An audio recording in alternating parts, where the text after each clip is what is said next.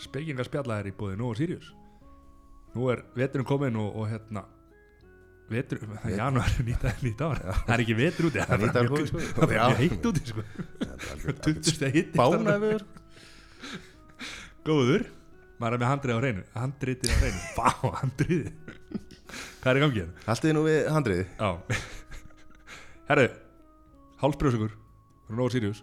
Já, þegar, á þessum ástíma Það var hann össilegu Það er vantalegur nýr Ný tegund. Já, hvað Það er, það er hérna Eucalyptus Já, Sem er blái Já. Klassiki svo, hérna Sítrónu. Sítrónu Svo palo Græni. Já, Nú eru komað hérna Chili. Chili? Já. Hann kemur ekki alveg strax Ég er aðeins að hérna Þetta tísa? Ég er að tísa sko. Hann kemur í lók mánaðins Það verður styrla sko Ég er búin að smaka hann Hann er geggjaður. Ok. Spekingar eru spjalla. Hvað, þú smitaði mig Spekingar spjalla er í bóði fagmats. Það er sem ég smiður.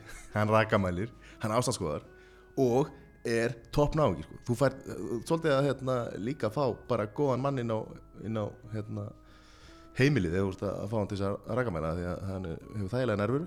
Og er topp náungi Hann er á Snapchat Já, sem ég smiður Instagram Sem er smiður. Já. og allar upplýsingar er á fagmat.is 250 litir. Fallegasti og besti málari landsins. Steppi málari Það er sama þar. Þar ertu ekki bara að kaupa hérna, frábæð vinnubröð og, og, og gott fólk heldur, Nei, frábæð vinnubröð og gott fólk. Hann er með gott fólk í vinnu. Þú fær frábært fólk heimtíðin ef að- þú ert að mála heima þér. Öll tilbúð, allt drasli, tala við hann. Litir.is Komið þið sæla á blöðsinn Spekingar spjalla með ykkur hérna. Við erum komið frábæran gest. Haffi Verði hjartar að velkomin. Hafsteinn Æ, Gesson Já, Svona svo að hérna, hlustundir heima í stofu viti nákvæmlega að deila á manninum. Hann er eitt fremsti hjólræðamaður landsins og kom á bílinga, hvað er það? Ég, já, takk fyrir að bjóða mér. Eh, hérna, ég kom um bíl út af því að ég er búinn að hjóla nú í dag og ég er reyndar, ég er samgönguhjólari, sko, eins og Steinn Ármann. Já og hérna, en ég, ég nota líka bíl, ég viðkenni það alveg. En þú varst með hérna, grindurnar á tofnum fyrir hjólin þannig að það er nú ekki það er ekki látt undan Nei, maður er alltaf, maður er alltaf klár, sko, geta flutt hjólið sitt og, og, og, og annað, sko. Já Hvað hérna uh, búin að hjóla nóg í dag, hvað þýðir það? Ég er hérna búinn að vera veikur þannig að ég þarf ekkert að vera vola lengi úti en, en hérna, að svona meðal hjólatúr er tvei tímar eitthvað svolítið. Já, hvað er að menna Ég í tvo tíma þá Hvað er það margir kílómetrar? Hei, við erum ekki að tala um það. Ja, við, við, tö- í, sko, uh, við tölum um, yfirleitt ekkert um hérna kílómetri, við tölum bara um tíma. Já, ok. Út af því að þú getur verið á nagladekkjum, þú getur verið á fjallahjóli eða þú getur verið á götuhjóli. Og Já. það er mis erfitt að hjóla á þessum hjólum. Á hvað hjóli í dag? Ég var svo seglagrosshjólinu mínu, trekk seglagrosshjóli Cyclacross, hvað þýðir það að, hérna það er, hvað, eins og götuhjólin nema bara Það er raun og veru bara já, götuhjóli sem hægt er að setja aðeins breiðar dekk á. Þetta er raun og veru, seglagrossi er forma af keppni svona, þetta er svona hálgert veðarsport að kepta á svona afmörkum brautum sem eru já, það er smá hlaup uh, hindranir uh, drulla, þetta er svona belgíst apparat sem að hefur þróast mikið síðust ár og er orðið gríðilega vinsælt. Já. en þetta er bara hent út sem já, vetrahjól á Ísland út það er hægt að setja alls konar dekk á þetta og, og annað. Ok. En hérna, þú byrjar hvaðan ertu? Herðu, ég er sérst úr Skerjafyrði og uh, ég bjóð þar í 30 ár. Ok. Og hérna það brosið bara yfir því. Ég, Vildir þú fá flugvöldin í burtu? Nei, alls ekki. Ég vildi vera einangræði frá miðbænum. Og það var gott að hafa flugullin þar til þess að svona afmarka þetta svolítið og já, ég ég bjóð hjá mömmu minni í, og náttúrulega pappa líka í, í 30 ár og það var náttúrulega bara út af því ég var alltaf á flakki og alltaf að leika mér Mm -hmm. hafði enga tíma til þess að finna mér hérna, kæristu og, og koma mér út sko.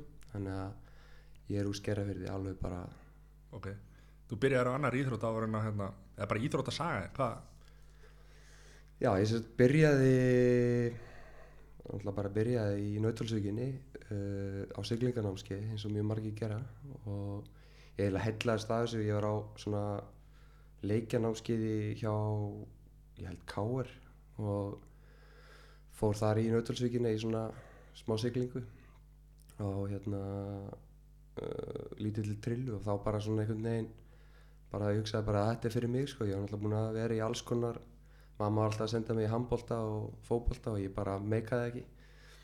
Þannig að þarna fann ég sportið mitt og ég enda á siglingarnámskeiði held ég bara sumarið eftir og, og síðan bara byrjaði að sigla. Þetta var held ég 1990 eða eitthvað svoleiðis. Og þetta þróaðist náttúrulega já yfir í það að verða mín atvinna.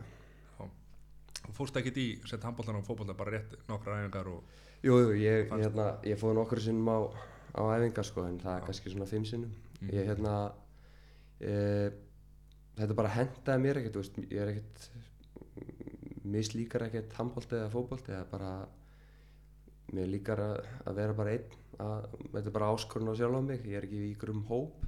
Já. Enda reyndar einhver starfna 91 í Ísvaki í sex ár Já, ok og hérna ég hefði líklega orðið mjög góður í því hefði ég haldið áfram vegna þess að það hendaði mér vel að fá að slást aðeins og smá útrás.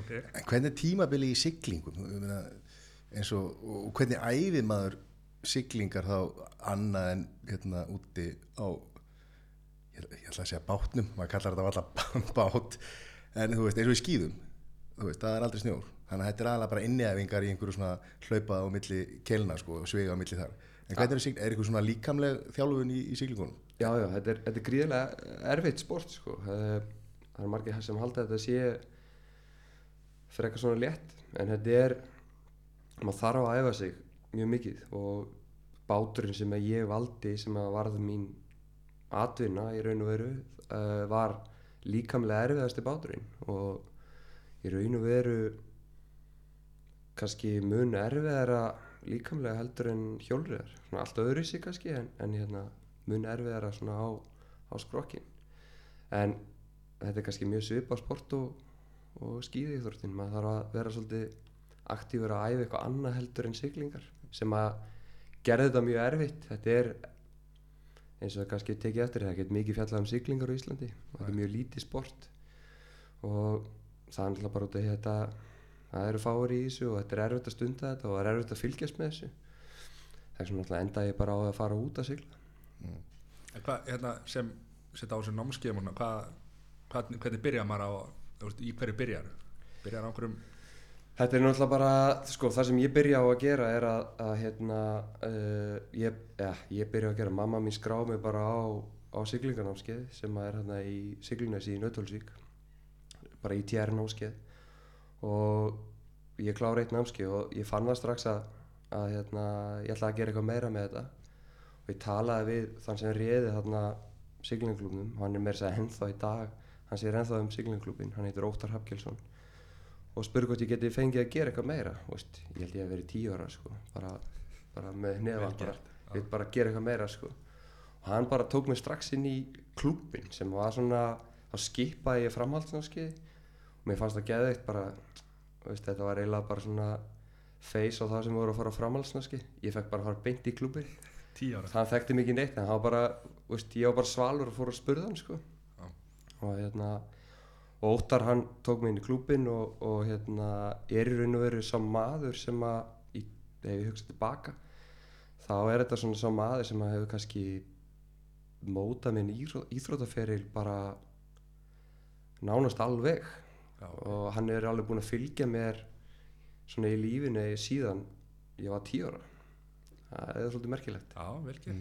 Og hann, hann sem sagt svona bara svo ég tali aðeins um hann ég, hérna, hann hérna til dæmis bara var svona fyrsti samgönguhjólarinn sem ég þekkti. Hann hjólaði frá hérna Vesturbænum og upp í Grávog uh, hann var að vinna hann bjó í, á Framnesvegi og var að vinna í hérna Fjörgin og hjólaði þangað á hverjum degi og mér fannst það geðveikt. Mér fannst það geðveikt töff. Eng, það var enginn að hjóla á þessum tíma sko. Já, örfáir kannski. Og þetta svona ítti mér í samgönguhjólir að setna mér sem bara, veist ég ætli ekki verið 15-16 ára þá fór ég að hjóla á milli staða. Þannig að kannski kom hjólri á, áhugin líka í gegnum hann. Já, samgöngu hjólarar, það þýðir að þú ég var, ég var að hugsa sko, að því að sko, það er eitthvað til sem heitir bílaus lífstíl en, en samgönguhjólari notar þá vantilega hjólræðar sem sín aðal samgöngumáta en eh, kannski er ekki aðhallast þess að trú bílaus lífstíl Já, sko, hérna, bara til dæmis þegar ég var að vinna í erninum þá hérna, þá hérna hjóla ég alltaf í vinnuna uh, bara af því að mér fannst bara gott að byrja daginn þannig.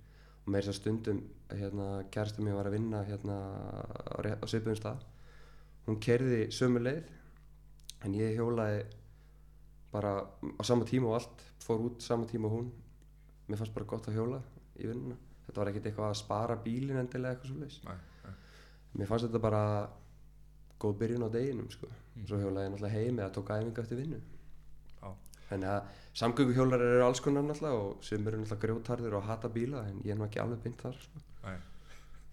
En eh, þegar þú komst inn í klúbbin hana, hvað, hérna, hvað þýtti það? Ertu, er það bara fastar æfingar og er þetta svona meira bara eins og skipulegar æfingar í handbólta, fótbólta og með ekki beint sko, þetta var svona fyrst bara uh, koma og setja hérna örbylgjupopp í, í örbylgjófnin og, og hérna buslaði sjónum sko, ég alltaf var bara tíu ára þarna sko, en að hérna það var ekkert eitthvað eitthvað svona ákveð forma á þessu, þetta var ekkert eitthvað strangar æfingar, en svo var þetta alltaf meira og meira.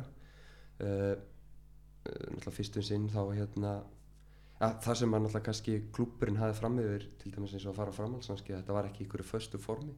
Ég reyði mig svolítið sjálfur. Það hendar mér svolítið að vera ekki með eitthvað svona dasgrá það er svona bara, ég vil vera svolítið svona laus í bara því sem ég er að gera og hef alltaf verið. Svona svolítið kærilaus bara. Það virka fínt fyrir mig. Og svo náttúrulega bara þróast þetta áfram og, og hérna síðan tekur hérna óttar mig bara já, hann bara ég nánast er bara svona hálfgerður sonur hans og e, þetta verður svona þróast bara og ég enda á að fara að æfa þetta reglulega og við fyrir að æfa á veturna með þess ekki bara ég og fleiri, fleiri aðri sem að eru góði vinni mínir í dag í sjónu þá eða?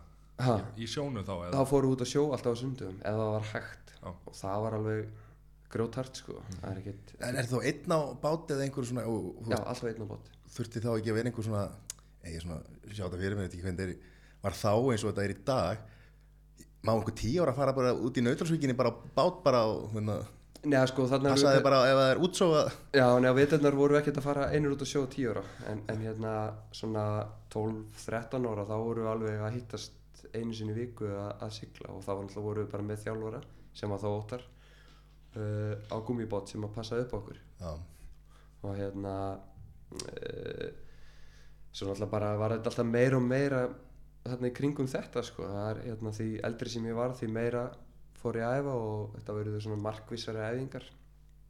Ég ætla ekki að segja að þetta hafi verið heims mælikvarða æfingar á þessum tíma en við reyndum eins og við gátum. Þetta er náttúrulega veist, manni líður alltaf ef, maður, já, ef við horfum svona aðeins tilbaka þetta hafi verið svona, ekki eftir þetta myndinni hérna Cool Runnings? Já. já, þetta var svona þannig fílingu sko. sérstaklega ef við fórum út að keppa eða eitthvað Norrlandamóti eða eitthvað þá bara sá maður alltaf bara hvernig hvernig landi lág allt öðru í sig þarna úti sko. bara já, hörðu, við ættum kannski að kaupa okkur nýja buksur eða eitthvað. Þetta lítur ekki vel út hérna.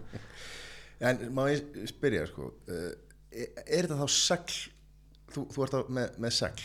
Þú, þetta, er ekki, þetta er ekki róður? Nei, þetta er ekki gamli, gamla góða breska hérna, hérna háskóla íþróttina sem að það eru 16 manns eða eitthvað að- er, er, þetta er segl og þetta er uh, svona til þess að útskýra aðeins hvað þetta er þetta er alltaf bara, maður er bara einn á bát þetta er eitt segl og alltaf mismöndi bátar til, alltaf miljón bátar.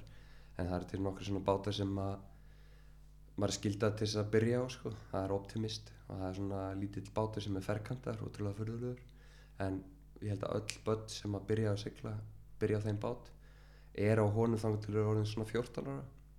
Nema náttúrulega þessi orðin of stór eða, eða breið þá hérna er það sett á einhvern annan stærri bát. Svo feð maður á einhvern annan bát sem er þá fyrir stærri og sterkari einstaklinga. Og ég valdi bát sem heitir Laser. Og hann er raun og veru bara svona bara hefðbundin lítill seglbátur fjóra og hálfu metru á lengd. Og þú fóst með leysir á olimpíuleika ég fóð tvisar sem ólífileika og þetta er sérst kannski svona stöldur aðeins við þá hérna var þetta þannig að uh, býtum við 1998 þá satt ég bara í borgarhaldsskóla að reyna að læra eitthvað. Og mín skólaganga er svona frekar þókukend vegna þess að ég hefur rosalega ga lítið gaman að því að vera í skóla. Ég til dæmis hef hérna, nokkur svona uh, nokkur hluti í lífinu sem ég ætla ekki að gera og það er að fara ekki í háskóla. Ég ætla ekki í háskóla. Það er bara svona markmið í lífinu hjá fólki misjátt og mitt markmið er að fara ekki í háskóla. Kannski breytist það, ég veit það ekki en, en hérna, mjög líklega ekki. En ég sérst var í borgarhaldsskóla og, og það var hengt í mig frá siglingasambandinu og, og spurt hvort ég vildi fara til Dubai. Þetta er 1998 og ég vissi ekki eins og hvað Dubai var sko. og það vissi enginn sem ég spjallaði við. Ég man bara að ég rætti þetta við mömmu og hún bara, ha, Dubai, hvað er það? það er persaflóa persaflóa, þú ert ekki að vera í persaflóa neitt sko. Það er bara einhver- stríð persaflóðstíði Hvað er hérna hvað er þú gammal hann 98? 18 ára. Já. uh, úr var það ég fer sérst til skólastjóras í borgarhaldsskóla og, og hérna spyr hvort ég getur fengið frí í skólan þetta er í mars, já þetta er í mars byrju mars 98 og ég labbaði inn til hans og spyr hvort ég getur fengið frí. Og hann er búin að vera að frekar slakur í skólan ég skal alveg viðkjanna það en, en hérna uh, hann segir bara nei. Er bara þú fari ekkert frí sko. Það bara gengur ekki upp. Það er að koma að próf og svona og ég horfi á hann í smástund bara svona frekar hissa, ég var að fara á heimsmestramóti í Dubai. Ég, okkur var sett bóðið á heimsmestramóti í Dubai. Ok. og ég horfi á hann bara undrandi í smástund og segja bara, heyrðu ok, heyrðu, þá er ég bara hættur í skólan hann bara, nei, nei, být, být, být, být aðeins. Ég bara, nei, heyrðu, ég nenni ekki að ræða mér og lappaði út, sko. Alltaf með hnútin í maðan, bara, hvað var ég að gera, sko og svo lappaði ég heim, eða að fór ég heim og, og hérna og rætti þetta með mömmu mína og, og hérna, hún alltaf var alveg brjálið hætti bara í skólanum og alltaf var til Dubai í persaflóðunum, sko. Bara meika Já, fara meika sem reyndar uh, ég fór út pers í, í Persaflóa, Dubai og sem var alveg geðveikt. Þetta var miður vetri, við fórum úr 13 stega frost í, í 35 stega hita. Og uh, keftum þar á hinsmestramóti og tvei sem fórum með farastjóra og þetta var til þess að uh, siglingaferillin minn varð til og hefur og veru snúið öllu við í lífi mínu. Ég gæti verið ykkur sveitu bifulavirki í dag hérna að laga bíla en í dag er ég uh, fátakur íþróttamæður Hvort er betra ég Já. er betri Já, en ég með tvær spurningar út af þessu. Hvað er hérna, fyrsta lagi Dubai, hvernig var það 98? Þú uh, náttúrulega- það var svona verða stort Ok, uh, til dæmis Khalifa. Segla já, Þa, það var að vera að byggja það. Já, ok. En Það hægstu var- bygginga heimi hana nei, nei, nei, það var ekkert það var ekkert svolítið sann sko. Nei. og uh, úst, það var bara strandlengi þetta mjög vennileg og, og hérna, þetta var svona já, Í uppbyggingu? Allt í uppbyggingu. Mhm. ég man bara fljótlega eftir að við komum heim svona veturinn eftir þá fór maður svona að sjá auðlýsingar á Eurosport og svona það var eitthvað golfvellir þarna og eitthvað. Já, svo alltaf meira og meira. Og veitum hvernig þetta er í dag. Já. Hinn spurningin, af hverju fóru þið tveir út hana? Voru þið bara bestir á Íslandi? Já, raun og veru, þetta sérst kom bara bóð frá alþjóða siglingarsambandinu til siglingarsambandsins á Íslandi og þeir vildu bjóða tveimur efnilegum siglingamönnum út og þar náttúrulega kynntist ég fyrirtæki sem að uh, sáum að uh, hjálpa litlum þjóðum að komast áfram í siglingum. Þetta fyrirtæki bara þú bara borgaðir í einhvern ákveðin pening á mánuði uh, þeir sköfðuðu þjálfara, þjálfara bát gistingu komuður á milli móta í Evropu sem ég endaði svo að vinna með já, ég er einhver frá lok 99 til 2004 Já, ok. Þannig að hérna, já, þetta er svona þetta gjörbreytti öllu hjá mér sko, öllum mínum Bor- Borgarhaldsskóli bara var, var í baksýnusspeglinum og þú varst komin hann Hvað, þetta var atvinnaðinn? Já, sko uh, ég fer þess, ég man bara eftir ég að ég satt á siglingaþingi 99 þannig að fljótlega eftir þetta Dubai dæmi og, og þar kom upp hugmynd um að fara á Olípileika 2008 þetta var þess 99 Já. og, og ég eitthvað, ha 2008, það er langt þangar til sko, svona fram, menn voru með framtíðaplan sko. Og það rétti ykkur, ykkur upp hönd á fundunum og segja, okkur förum við ekki bara á næsta ári? Árið 2000 eða 2004 okkur eru ekki aðeins verið metnað í þetta? Það var allir bara einhvern veginn svona flýsandi það gengur aldrei upp sko það mun aldrei verða sko. En svo voru við reynda svo heppin að við fengum hérna wildcard uh, þess að bóðskort inn á olbíleikana árið 2000 fyrir minn bát og ég var alltaf langt bestur þá þannig að þannig komst ég inn á olbíleikana Já, ég var alltaf var frekar óþroskaður íþróttamæður þarna og, og ég raun og veru bara óþroskaður kannski bara yfir höfuð. Þannig að þetta var svona pínu strögl að já ég var svona ennþá Jamaica íþróttamæður að reyna að koma mér á framfæri sko en, en hérna uh, þetta var gaman og þetta var reynsla og þannig ákvæði á olíbíleikunum árið 2000 að, að reyna að komast aftur inn þess að kvólifæði fyrir olíbíleikana 2004 hvar var Ólimpíuleikandi 2000? Sydney, Sydney, já. Sydney, maður. það er vantarlega heldur betur framandi fyrir Íslendinga að- að fara til Ástralíu á þenn tíma Já, það var, það var hérna, merkileg upplifun og, og hérna, ég man ég hugsaði, ég var þar í sex vikur, ég man ég hugsaði í þessar sex vikur hvernig er það komast heim aftur, þetta var alveg umöld að fljúa þanga, þetta er mjög langt flug sko. Þú hefði nú getað seilt heim. Nei, ég hef ekki, ég hef ekki meika Einna báti. Nei, ekki séns. En hva, hvernig gekk það hana úti í þessi 2000? Í Sydney, Já, ég hugsaði að vera eitt fyrir aftan mig. Já, og það hérna, varst ekki síðan? hann var frá okkur svona skrýtnu landi þessu Íslandi. Þetta var þarna væri náttúrulega bara með veist, bara með bestu siglurum í heiminum sem voru að sigla daglega alla daga ársins sko. Mhm. ég kom frá landi þar sem ég gæti silt tæplega þrjá mánu ári sko. Sunnudum á veðnar já, sunnundum veiturna kannski, sko. Kannski. Já. En hvað, að- hérna, já, hvað eru margir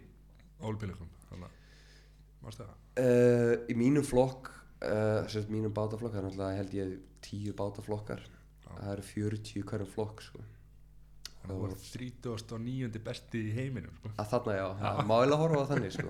en að hérna Ég er með eina spurningu. Já, Nú hérna Nú hefur nú verið oft rætt um að, að þarna ertu ungur. Hvað ertu, það- þú bara 19, 20 álíféleikunum er í títur já, Já, það hefur verið sko talað um þessi Ólimpíð Þorp já, og að það gerist það gerast alls konar hlutir. Já, Þú fyrir alltaf beint í þetta. Nei, ég, bara, þetta var mikið skrifað um þetta hérna þegar uh, bara á þessum Ólimpíuleikum sem að hérna, sem að hafa verið. Hvernig er eitthvað, ég var eitthvað hvernig var, það, hvernig var Þorpið? Í, í Sydney var það eh, náttúrulega bara allt klárt og allt flott og, og hérna þetta var alveg gríðalega upplifun að koma að inn. Og náttúrulega uh, þú ert alltaf að labba inn á flugvöll og labbar inn í þor- þorpið, það er alltaf að leita á öllu og, og, og hérna alltaf töskur gegnum lístar og allt saman. Uh, veist, matartjald með sæti fyrir, ég man ekki hvað 6.000 manns. Uh, og stund eins og í, í Sydney þá var annar staður með einhverjum öðrum mat svona minna tjald svona fjölbreyttra fæði. Ég held að sé að spyrja út í stelpunar sko. já og svo já það, það hérna uh, það er raun og verið ekkert mikið í gangi með það. Það er svona ég, þarna var ég bara eins og ég sagði hann ég var svona óþróskaður hérna íþróttamar og vissi ekki neitt sko ég var náttúrulega bara að reyna að hugsa um mína íþrótt eins og ég gat sko Já. en hérna já þannig það var saman aðeins meira af þessu svona það var aðeins meira uh, kannski ekki hjá mér en maður sá það hjá öðrum Já. meira í gangi, maður tók eftir öðrum hlutum kannski, ég veit það ekki En bara þarna komið fjögur ár frá 2000 til 2004 Já. Þá varstu bara með þessu fyrirtæki, uh, ég eiginlega svona hálfpartin flutti til Söður Fraklands og bjó á eigu uh, svona 60 km frá Marseille og þetta var alveg skelvulegu tími svona fyrir utan siglingarnar þetta var það var ekkert eitthvað brjálæslega gott internet á þessum tíma sko. Mhm. og frakka, þetta var í litlum uh, sjáarbæi í Fraklandi þannig að þetta var svona frekar strempið fyrir í raun og veru fór ég bara í flugvél sko, þannig uh, einn uh, næstu því í fyrsta skipti einn með einhver farastjóra eða neitt. Mhm. hitt einhver gaur sem að hérna, ég þekkti ekki neitt. Ég talaði valla ensku bara svona lélega ensku enga frönsku náttúrulega.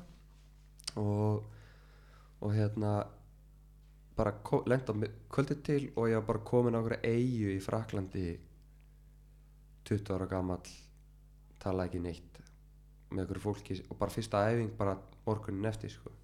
Með bara heimsklassa liði sko. Já. og þarna voru bestu þjálfarar í vinnu og, og annað sko. Þannig að þetta var svona svolítið sérstætt sko að vera, að vera þessum stað sko. En, en þetta, já þetta var þetta var erfitt, þetta var mikil vinna uh, þetta var mikil vinna í fjögur ár í raun og veru. Uh, fjáraslega reyndi þetta á. Maður, ég hef alltaf reynd svona að reyna að væla ekkert yfir peningum. Uh, íþróttir kosta pening en, en hérna maður veit svona að reyna að vera jákvæður með þetta allt saman. Hvernig, hvernig helst þau uppi? Varstu, Siglingasambandi náttúrulega bara held mér uppi.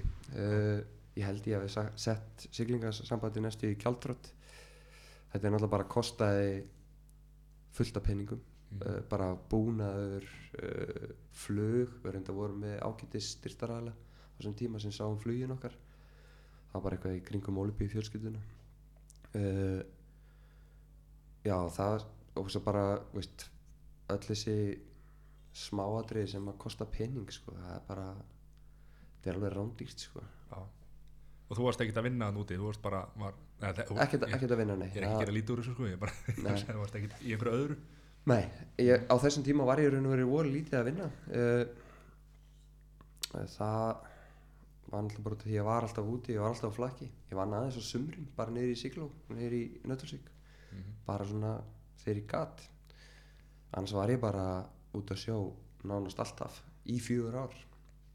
Hver er munurinn á, svona eins og tala um heimsklassa þjálfarar hann úti og aðstæðan alltaf heimsklassa, hver er svona munurinn á þjálfurinni sjálfur Var- eh, Sko, nú til dæmis bara, ég var með, á þessu tímabili var ég með þrjá þjálfara og fyrsti þjálfarin sem ég var með, hann var pólskur og besti þjálfari í heimi, bara, bara langbesti. Já.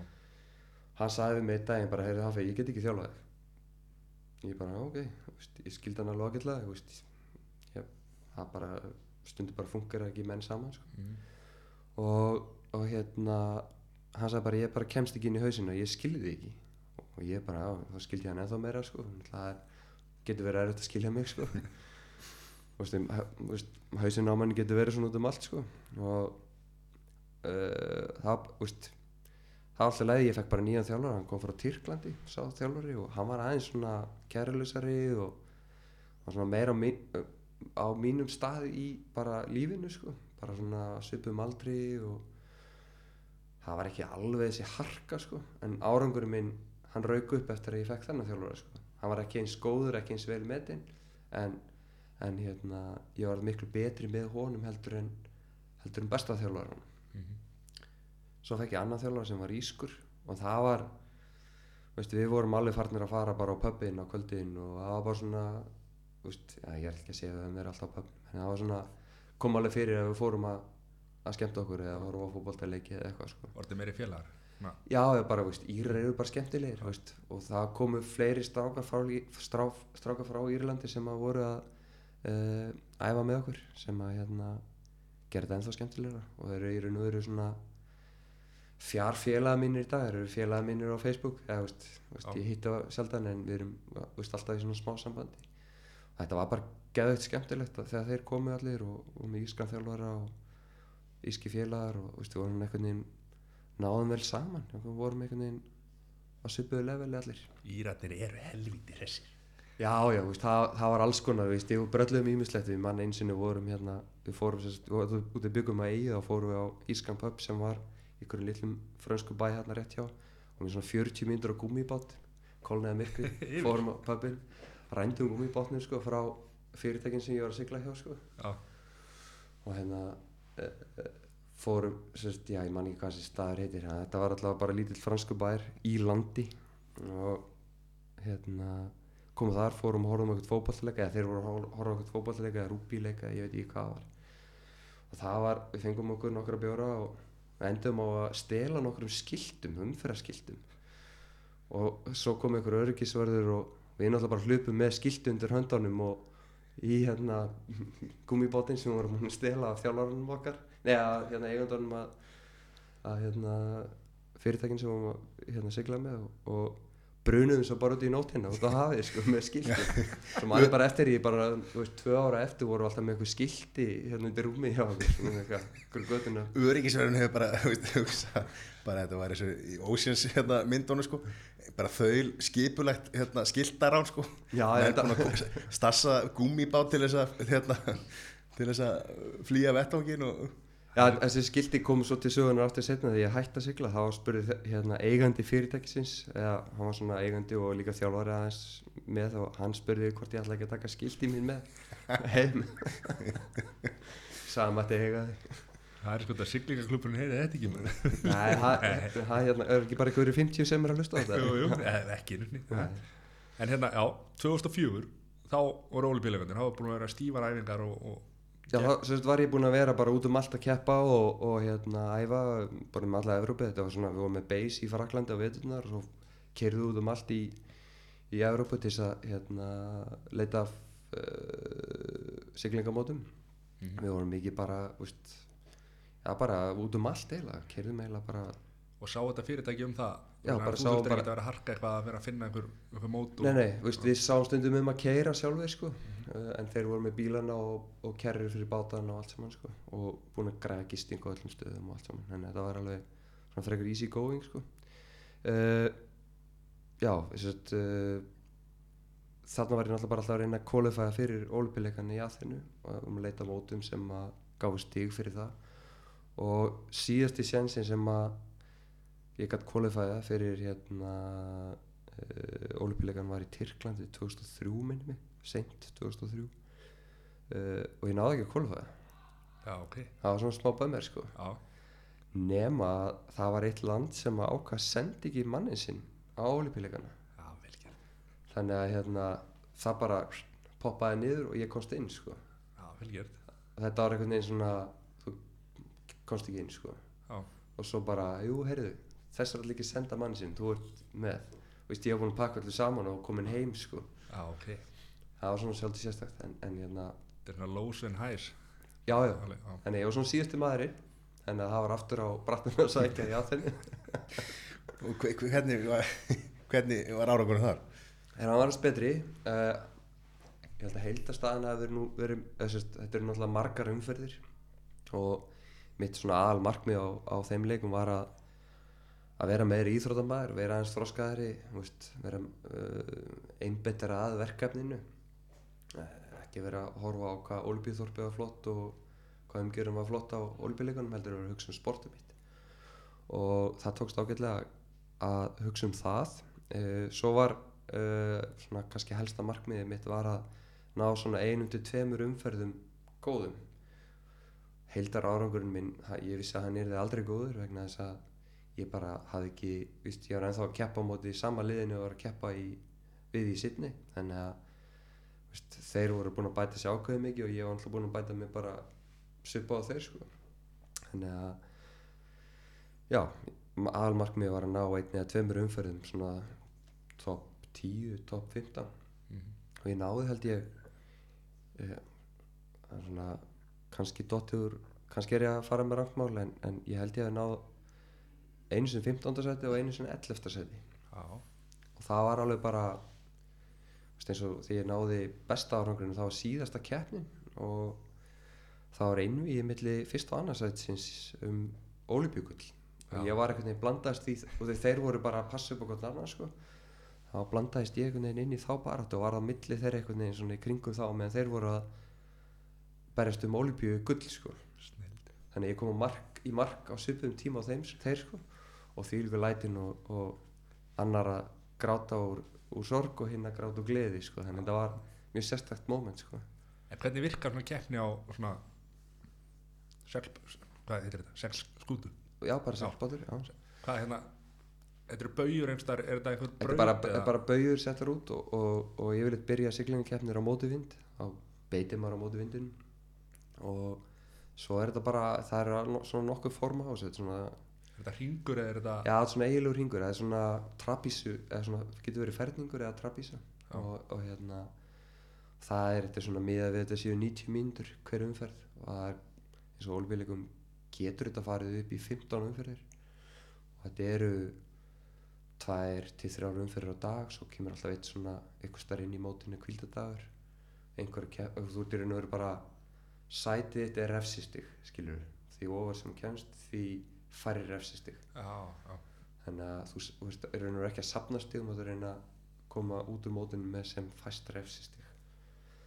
Og þetta er bara, já virkar svo leis þetta er maður ekki hugmyndum þetta er, þetta er sko hard, ég geti verið hérna í allt kvöld bara að útskýra hvernig siglingamót virkar. Og, og, og fólk sem horfir á þetta í sjónvarpi eða eitthvað svo leist, það er alltaf erfið að þetta sport því þú sér bara bát út og sjó og þeir eru út um allt. Já, og ég, þegar ég horf á siglingamót í sjónvarpi þá bara, já, ég skil ekkert hverju gangi. og alltaf verður að finna eitthvað til þess að útskýra þetta og, og hérna þetta er svona erfitt að er fá fyrir áhorfandan til þess að skilja þetta. Sérstaklega þegar að menn sem er að, voru að keppi þessu skiljið þetta ekki heldur þá er þetta náttúrulega Já, veist, Eða svona- ég, ég svona skilit alveg en maður er svona bara, hm, þetta er ekkit veist, þessi Bara- gæti alveg verið fyrstur en svo koma aftur saman og hafa hann veist, í tíundasæti þetta er svona mjög erfitt að fylgjast með þessu En siglingar, sko, þetta er flott sport og svona, þetta ekki pínu hefðasport annars staðar í heiminn? Þetta er svona royal sem staðar já, og sérstaklega í Breitlandi er þetta svona þú lappar ekkert inn í klúb þar nema að vera í sérstöku fötum sko. þetta er svona, já, svona Já, þetta heitir bara royal veist, royal yacht club, eitthvað bleð já, og, og húsin, klúbhúsin, einhver geðvik hús, sko, veist, þetta er ekki, þetta er ekki skúr í Nautalsvíkinni, sko. Þetta er ekki sumabústæður í Nautalsvíkinni. Ég manni mitt hérna uh, fyrir maður tilbaka til Dubai þá var einmitt siglingaklúbarnir þar. Það var hérna það var einhver Akman Sheikh Al-Aman eh, sem að sá um þessa siglingaklúba þarna og það var að tveir siglingaklúbar og þeir voru náttúrulega á sko næsta levelu við allt annað sem ég hefði séð á æfinni sko. Uh, og hliðin á siglingaklúbnum var svona lítið sundlög og bar og þar kom allir hérna aðalgaurarnir hérna í Dubai að veist, þar á allt kvöldin voru alltaf bara einhverjir sko, klikkaði sportbílar og lífverðir og það sáttu við bara og voru með drikk og hóðum á einhverja kalla sem gáttu verið sko aðstu kallanir í Dubai sko. Þú veist, það var alltaf verið að banki mér þennan þessi hérna þessi er hérna toppurinn hérna í Dubai sko. Þeir komu þarna að drekka bjór út því það mátti hverja annars staðar. Já, á þessum tíma, ég veit ekki hvernig þetta er í dag ég sko. held að sé bara eins eða þú veist það er svona einhver hótel og eitthvað sem að eru já, það er bara, þú er ekki inn á hótelsvæðum og,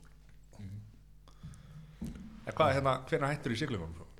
Herru, sérst, uh, eftir ólipillegana uh, 2004 þá eiginlega hengdi ég upp árarnar. Nei, rúlaði ég upp seglinu. Og hérna uh, ég var eiginlega bara búinn að fá nóg. Uh, bæði uh, þetta var úr dýrt. Þetta, þó að siglingasambandi ég, þeir eru nú þakki skilda fyrir að hafa hérna stuttið baki á mér allan enn tíma og uh, já, eiginlega lagt alla peninga sem til voru í þetta verkefni og ég held svona þegar botninni kvöld þá hefnast þetta ágætlega. Uh, ég, já, ég er náttúrulega bara sjálfur var bara komin í bara algjörna mínu sko, í raun og veru. Það var eiginlega já, ég þurfti eiginlega bara einhvern veginn að fara að gera eitthvað allt annað sko. Uh, ég átti enga peninga uh, ég var komið yfirdrátt á kortin mín og, og þurfti einhvern veginn að fara að huga því sko. það, var ekki takt að vera að leika sér endalust en ég var reynda svo heppin ég átti bíl á þessum tíma sem ég gætt selt og borga allt upp þannig ég var er nú eru bara núli Já. ég var ekkert í ykkur mandræðum þannig. Mhm. en ein, það er, ein spurningu viðbútt með hérna þessa báta hérna. Er þetta svona eins og golfkilfur og fleiri, ertu alltaf með þinn já með minn Bát. bát, já, já þetta var í raun og veru uh, ég kefti bát úti og ég reynda átti tvo báta á þessum tíma og eitt svona bátu kostar miljón cirka og svo þarf þetta að kaupa nýtt segláta og Já. var í seglagerinn ægi eða ekki? Nei, nei, nei, þetta er allt sérstætt sko. Þetta er svo str stranga klassareglur í þessu Þú þarf að vera alltaf með allt rétt mert og annað sko. Þannig að og þú ferðast á alltaf með hann erlendis og hann var bara út í báturinn minn sko. já, já, Og hérna uh, fyrirtæki sem ég var að vinna með hann úti Þeir bara sáum að flýta hann alls staðar og geima hann og. Þú veist ekki að taka eitthvað leigubát og eitthvað svona dæmi Þetta er bara Nei, ég byrjaði svolítið í því og svo, þú veist, þú verður bara um þinn bát það er svona personal details á bátunum sem, að, sem þú vilt hafa bara fyrir þig sko. Finnur alveg munin sko já, já, já, já. og þetta, þetta er náttúrulega dýr, dýrbúnaði sko, og, og það er eins og bara ég, ég var að segja á hann að, að, græjurnar veist, ég þurfti að skipta um segl uh, þriða hvert mót og veist, segla búnað veist, það er 300 skall kannski þriðja, fjórða hvert mót. Já, ok. Þannig að þetta er þú veist, stýri, brotnar. Það er allt svona veist, stundum var þetta þannig að maður var með uh, í búð að kaupa teiprúlu og maður spáði að ég kaupa svo teiprúlu til þess að græða eitthvað. Það gæti verið eitthvað annað en teiprúla svona tek dæmi og, og ef maður kipti teiprúluna eða þessa blökk eða hvað sem það var þá kannski þurfti maður að vera að borða eitthvað hrísgrón í viku eða eitthvað veist, þetta var kannski ekki alveg svona en það var veist, næstu því svona sko. Þannig að á endan verður þetta líjandi þetta verður erfitt. Þannig að hérna þetta var orðið gott þarna 2004 eftir ólbíleikana En eru menn þá að bóna bátana og, í frítíma og milli æfinga eða er þetta svona eins og Já, eiginlega sko, þú hugsa, hugsa vel um þetta. Maður er svona, þegar þú átti fríta þá fórstu og tókst bátið inn í gegn. Og, og hérna það var það sem að ég var farin að gera svolítið í, í mínu frítum var að gera við leigubáta og sem fyrirtæki sem ég var segla fyrir átti. Gera við þá og þrýfa og, og græða og gera sko. Þannig að ég hafði svona eitthvað fyrir stafni og fekk smá pening fyrir það. Svartan pening, Til að fara, svartar eurur til að fara á hérna Íska pöpin með strákunum sko já, já, já sem siglingarsambandi fekk ekki þetta vita sko. Nei. Nei, í Fraklandi þá er, heitir þetta ekki eins og svart sko, mestalagi grátt sko. já, já. En hvað hérna 2004 þá ertu að fara að gera eitthvað annað Sko, þetta í- í raun og veru, ég man bara 2003 þá kom eitt þjálfari til mín með hérna bók til mín, það eru, er gott að lesa smá ensku og læra svona ennst mál. Ég veit ekki hvort að þetta verið diss með lélega ensku en ég var ágætlega góður í ensku þannig þessum tíma. Lærir þú fransku? Nei, Æ, ok því miður, vegna þess að ég var náttúrulega mikið með enskumælandi fólki. Það náttúrulega voru ekki frakkar sem ég var með beint. En það er svona eitt af því sem ég sé mikið eftir er að hafa ekki lært frönsku. En þessi þjálfari rétti mig bók 2003 og þetta var þessi bók uh, um krabbamenni hans, Armstrong. Þannig að bókin heit, heitir held ég It's Not About the Bike sem alltaf í dag er algjör liðasaga. en hérna uh, góð bókinga síður og frekar svona peppandi og þá fór ég að hugsa um að kaupa hjól. Og þannig 2003 fer ég til Íslands í eitthvað frí og amma mín lána með mér penning fyrir hjóli og ég kaupi mér hjól. Fer í alla búðunar hérna á landinu sem voru held ég tvær eða þrjár kvellur og, og hérna vörnin og markið GOP ekki á þessum tíma? Jú, heyrðu GOP er enda líka, ég fór ekki þar inn, ég veit ekki akkur það var, en, en, en ég fór allavega fyrst í örnin og, og það var einhvern veginn allt og allt dýrt þar og það var eitthvað sem sagði mér að fara í marki og ég fór í marki og kipti, kipti hérna skotthjól þar og það var svona fyrsti vísirinn af því sem uh, koma skildi í framtíðinu með hjól, hjólið mín sko. Trú Keypt- ekki að það er ekki farið í Icebox maður Æ, Nei, það hérna Æsfoks Ég Mér datt það reyndar í hug sko en, en hérna, ég man ég kefti eitthvað tíma varhluti í hjólum mitt þar en, en hérna, það er svona sennilega það eina sem ég hafi komið inn í í kveld á, mínu ferli. Því miður. Á, ágættis búð. Frábær búð. Uh, Já, þess að ég kaupið þarna fjallahjól amma mín lána mig fyrir fjallahjóli og það kostaði þess að 100 á skall man ég, en 99 skall það var tilbúði á, og það held allir ég verið geðveikur að kaupa hjól fyrir 100 áskall tæpan. Og fljótlega eftir ég kefti það þá var kona sem kyrði á mig og hjóli skemmtist þannig að ég fekk borgóttu tryggingum fullt verð á hjólinu ég man ekki hvað var eitthvað aðeins meira og, og þá getur keft aðeins, keypt aðeins dýrara hjól. Á, þannig að þá væri komið svona flott hjól sko.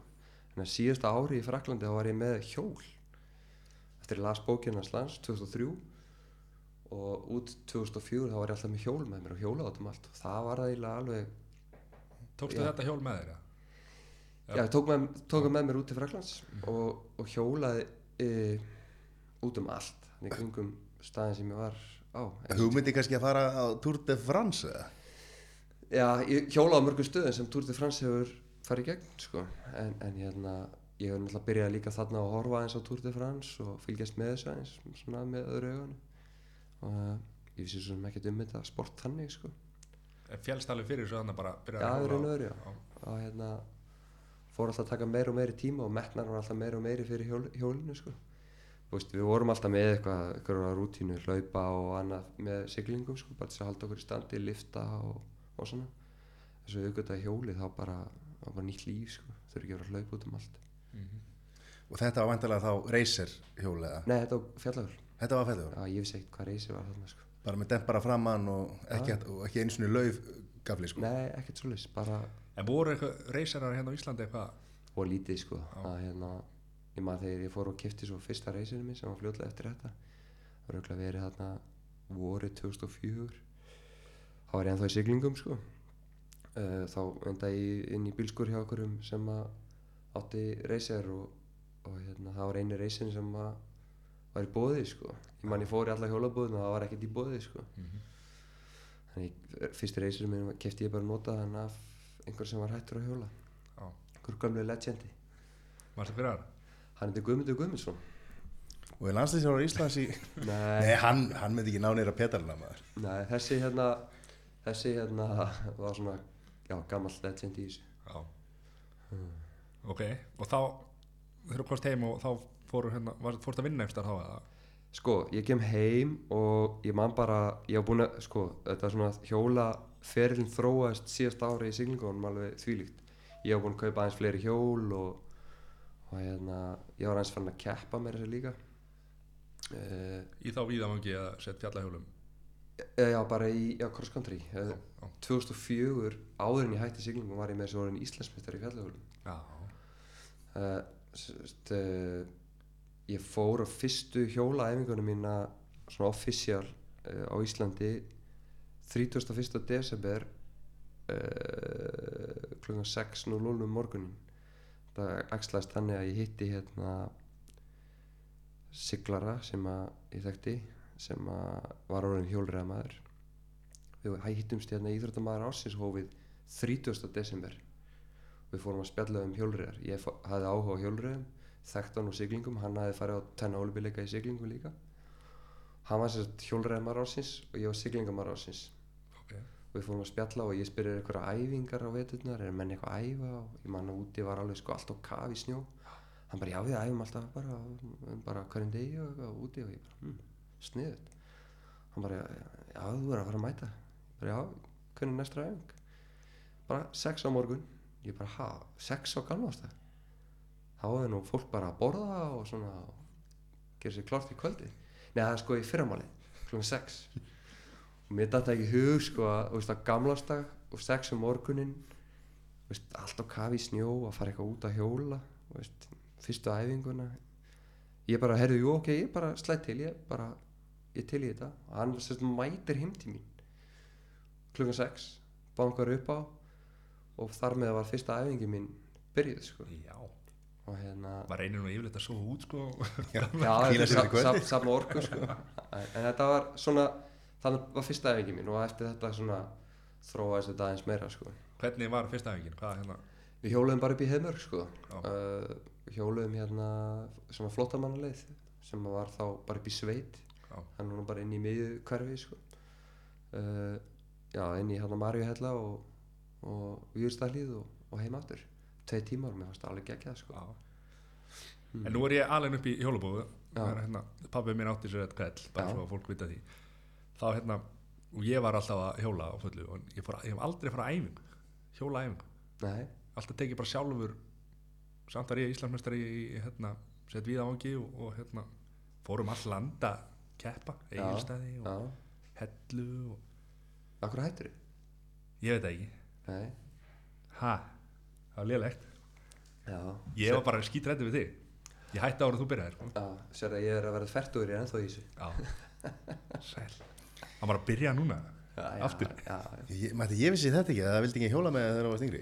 nei, en ég ég vissi ekkert að einhverjum hjólaæfingum og okkur svona rugli sko. þetta var alltaf ekki þetta, þetta er sko bara sem fara aðeins yfir hérna fyrsta vetur minn í hjólurinn sem var því ég var ennþá að sigla þá svona, var ég aðeins byrjar að mæta þegar ég var á landinu og æfingar og það voru bara tveir að æfa. Já, það voru bara tveir sem æfðu út af veitunar og hérna Gunnlaugur Jónasson og, og hérna Albert Jakobs. Og hérna þeir voru bara svona já, bara svona vittlýsingar sem voru grjótharðir sko, alltaf úti og mér fannst það bara cool og ég fór stundum með þeim sko, eins mikið og ég gat og, og ég reyndi að hjóla meir en þeir sko. Þú veist, ég hugsaði bara ef ég hjóla meir en þeir þá verð ég betri en þeir. Sem var svo raunin, ég var alltaf bara miklu betri en þeir mjög fljótt sko. Já, en Gulli var svona aðal keppinutu minn til þess að byrja með þó hann væri miklu eldri en ég. Eh, þá hérna var hann alltaf grjótarður og alveg mega góður. Ég ætla hann að taka það fram, ég var nú bara íslensmestri í hérna úlíkarflokkum og einhverju flið, sko, ég var nú ekki hérna. Þú ætti aldrei að taka það fram sko. Það er alveg jafn merkilegt að vera íslensmestari og, og, hérna, og í öllu hinnu sko. Mhm. þannig að hérna, Svo fórum við í downhillið, já, það var alveg geggja, sko. já, ég pröfaði það einu sinni og ég bakbrotnaði Já, þannig að hérna þetta er ekki hættu laust. Nei, þannig, maður tala alltaf um bakbrotnaði sko. Já. ég var ekkert á leiðin í hjólastól en, en, en hérna brákaði þeirra á ríkja liði og þurfti að passa mig í svolítið tíma eftir Mhm. þannig að ég læt þann þann feril bara eiga sig. Ég, ég er náttúrulega svo kvatví sko, ég vil alveg reyna allt sko. Já, þannig að ég bakka út af því mjög fljótt. Ég var að keppa og já, já, sem, sko, Ég veit hvaða íþrótt hefur Fjölnir Þorgesson ekki hann á ekki. Íslandsmyndum. já það er sannlega rétt hjá þér. Já, hann er alveg styrlaði, sko. En hérna, þá byrjaði þetta, hérna, þú byrjaði bara að taka þátt í keppnum bara, Já, sko, ég- kem frá olíbíleikunum og ég var alltaf búin að vera að brasa, svo ég kom aftur að því, sko, þá var ég búin að vera að brasa í þessum hjólum hennan vetur 2004 og sömari 2004 var ég náttúrulega á fullu í siglingum og reyndi þess að ég gata hjóla, Þú veist, það var svona farið að svolítið að stela huga mín um hjólriðarnar, mm þó ég var 100%, e- 100 einbyttur að siglingunum með þá, sko, uh, en þegar maður er með 2-3 hjól í gangi þá er náttúrulega ákveðið viðhald á þessu og maður er alltaf að reyna að græja og gera og betur um bæta, það þekkja það flesti sem að byrja í hjólröðum og ég á búin að vera svolítið svona að hanga á strákunum í markinu að rúnari og, og þeim og að fá það til að hjálpa mér að græja og hitta þetta. Og ég var alltaf út í útl- út, útlöndum að kaupa ykkur á hluti og koma það heim og, og láta það að setja á hjóli fyrir mig og eða fá það til að hjálpa mér og eitthvað svoleiðis. Og svo kom ég bara heim þarna eftir olbíleikan og bara daginn eftir var ég með ykkur þrjá hluti sem ég ætlaði að setja á hjólið mitt og stóð nú miður góli í markinu og, og Rúnar spyr mig bara hvort að hvað ég sé að fara að gera og þetta var í miðan september og ég segi ég bara hef ekki hugmyndum að ég svona bara eiginlega leit upp bara já, ég veit það eiginlega ekki -hmm. og það var svona e, á eiginlega þá bara svona uppgötaði að ég var ekki með neitt fyrir stafni sko. þetta var eiginlega bara svona búið að kötta á þetta sko. þetta var bara dögum eftir olbíleikana ég kom heim og ég vissi ekkert Já, búin að fá svolítið upp í kók af siglingunum já, og, ég raun og veru sko og, og hérna, ég lít svona á hann bara, ég veit það ekki og veit ekki hvað er að gera. Hann bara, viltu ekki fá að vinna hérna? Bara, það verður bara flott. Og upp úr því byrjaði að vinna í, í markinu bara daginn eftir sko. Mann hafa hringt í mig hérna Binni sem að, á markið í dag. Þess að hann var þá vestlunustjórið þar sonur eigandans. Uh, hann ringir í mig tíu daginn eftir og spyrir að það er ekki að fara að mæta? Ég bara, er búið að ráða mig eða það var ekki búið að ráða hann sko. þetta var svona klassist hann sko en, en hérna Það er bara að vera svo yfir síðan. Að það er ekki að fara að mæta? Ég, ég- er ég ráðinn? Já, kontu þannig að ég var bara að byrja að vinna sko. Ég var þar til 2007 bara að vinna og hjóla og, og það er raun og veru bara virkað þannig að ég mætti vinnuna klukkan nýju og vandi sex og svo fór ég að hjóla. Og þetta var bara dagskráin alla daga, nákvæmlega svo bara vinna til sex og hjóla til nýju, hálf tíu eða bara hvernig stemningi var. Og allar helgar nýttur alveg í bót sko, til þess að hjóla. Hjóla meirinn hínir þannig geti verið bestur. verið bestur. Ég mani, ég var, var svolítið á tímbili ég tek eftir ég að ég hef sagt nokkur um þetta og, og hérna, nú er ég búinn að segja öllum þetta. Að ég hérna ég svona hjólaði með öllum heim. Og veist bara svona, bara Já, gangu skuggum að allir væri farinir heim sko. hjólaði svo aðeins að auka hring sko. og það var svona en þetta hugafar, hefur þetta alltaf verið hjá þér? eða? já, alveg bara alltaf sko, ekki í öllu Nei. ég tek það alveg fram sko. það er sumt sem ég hef ekki áhuga á eins og að sitja á skólabæk uh, það bara henda mér ekki, ég hef ekki áhuga á því Mhm. þá einhvern veginn bara ég ekki þann áhuga sem að sem að þarf sko Já, ég oftur að hugsa það í dag sko úst, ég er svona nettan áhuga að verða ná okkur innmentun Mhm. uh, Ég held að allar að segja Netta náhuga að vera atvinnubílstjóri Já, ég reyndar að hugsa það líka sko. en, en hérna þá hef ég oft hugsað sko, allir myndi veist, hafa metnaðin í það að drullast í skóla og gera þetta almennilega sko. Þetta ver- já, þetta verður svona að vera þá skemmtilegt Já, sko, það er eiginlega mottóðu mitt í öllu sem ég geri ef það er ekki skemmtilegt þá sleppi ég því Já. og hérna það Já, ég, ég sko eins og hjólriðanum í dag veist, þetta er svona sko að ná árangri, eða þetta verið topp hvað maður að segja topp stöði í hjólriðum í dag er náttúrulega gríðilega erfitt í dag og því það eru svo margir sem er að, er að hjóla og margir eru orðnir mjög góðir en veist svo lengi sem ég er gaman að þessu þá er mér eiginlega í raun og veru alveg saman hvað ég enda í keppnum sko Já, lengi sem ég er ekki í 20. sæti Mhm. Já, hvert voru komnir þá? komin langt út fyrir hérna. Við vorum, þú varst, við vorum í hérna 2007 í markinu. Já, þess að ég var í markinu og enda þar Fylgdir öllum heim eftir æfingar. Já, Já, já, komið þáka já. að þess að, já, vinnudagur var til 6 ég fór að hjóla, allar helgar.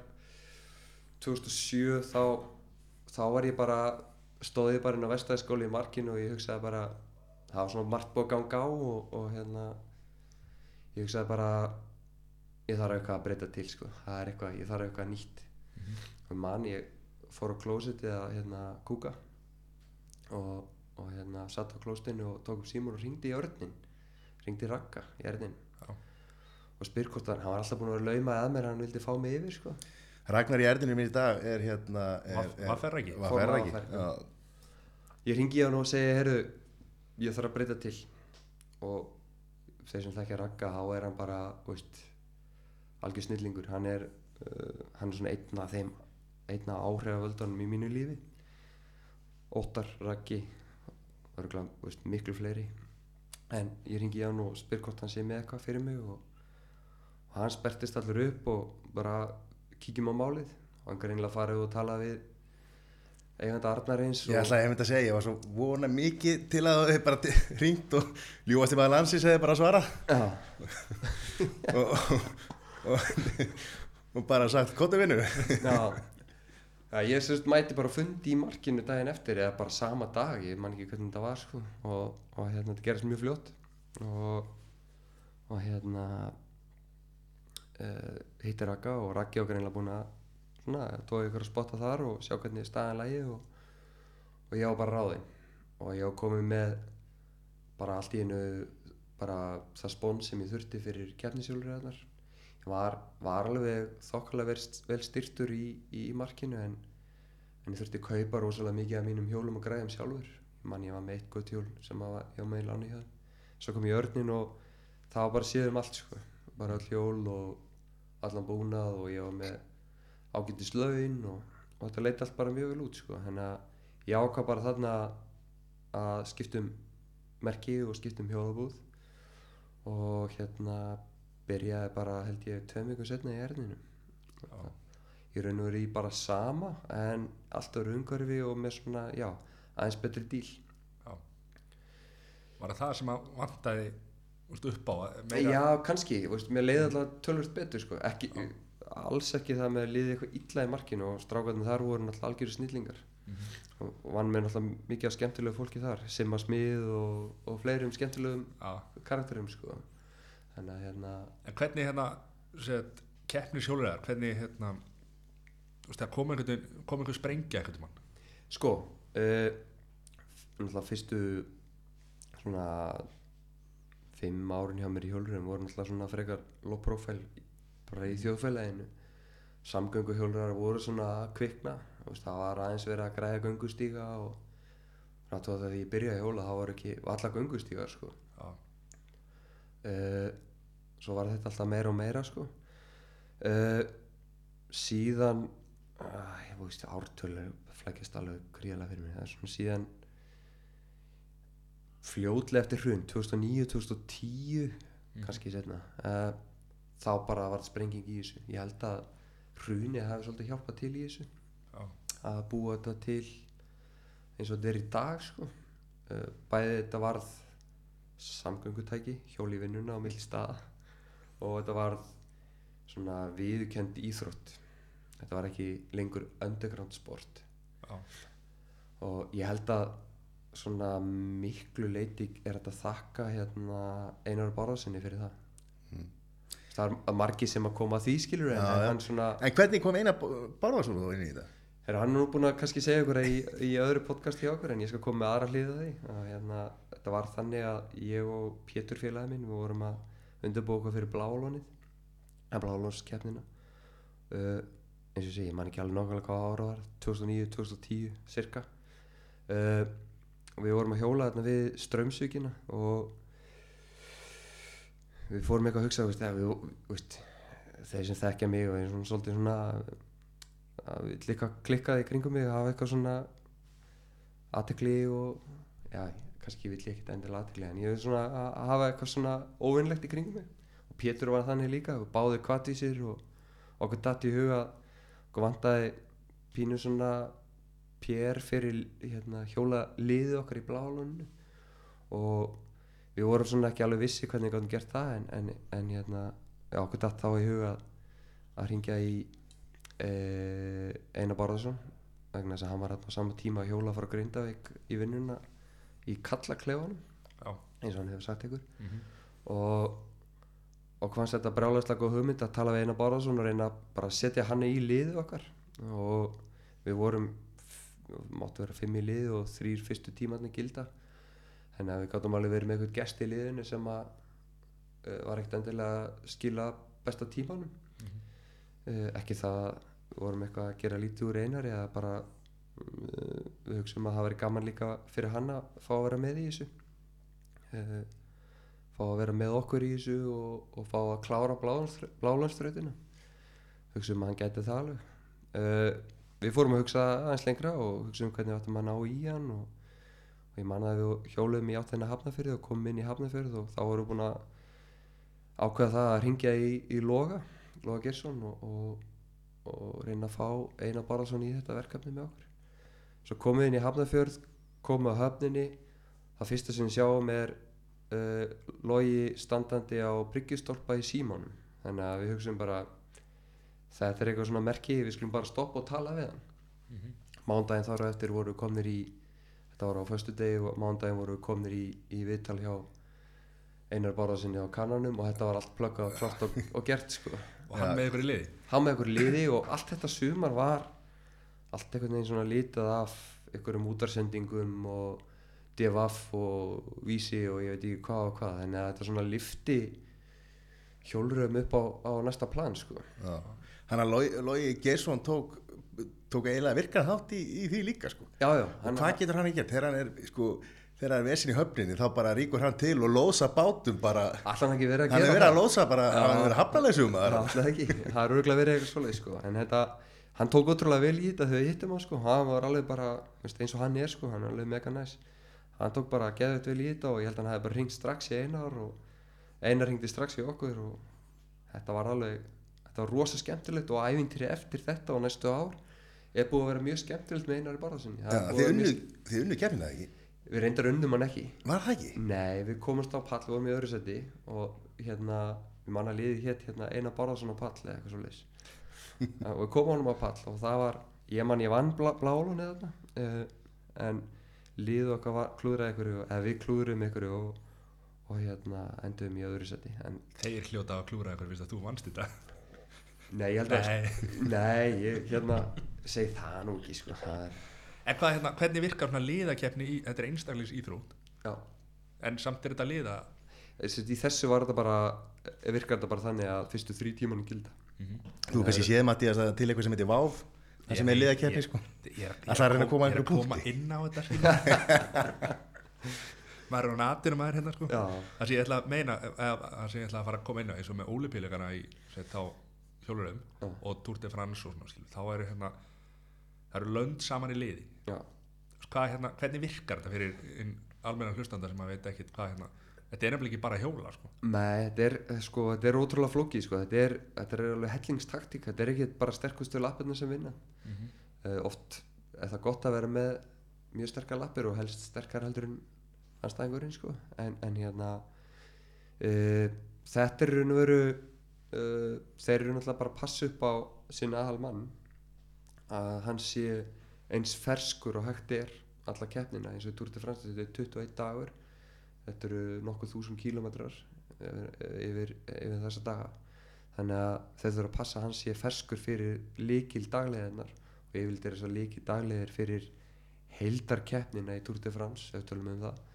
E, er þessir líkil dagar þetta eru bre brekkudagar. Þess að þeir eru að fara upp ykkur fjöll sko. þá þarf að passa upp, passa upp á þessi gaurar sem að eiga að vinna steitsið eða ná tíma, besta tímanum þar Klifrið, er ekki klifur? upp klifurinn já þeir er, ferskir sko. Já, er búið að velja fyrirfram hver uh, oftast er það þannig. Uh, nema náttúrulega það kemur upp að svo staðastundum að það eru tveir í liðinu sem eru bara supa góðir eins og gerist í sumar.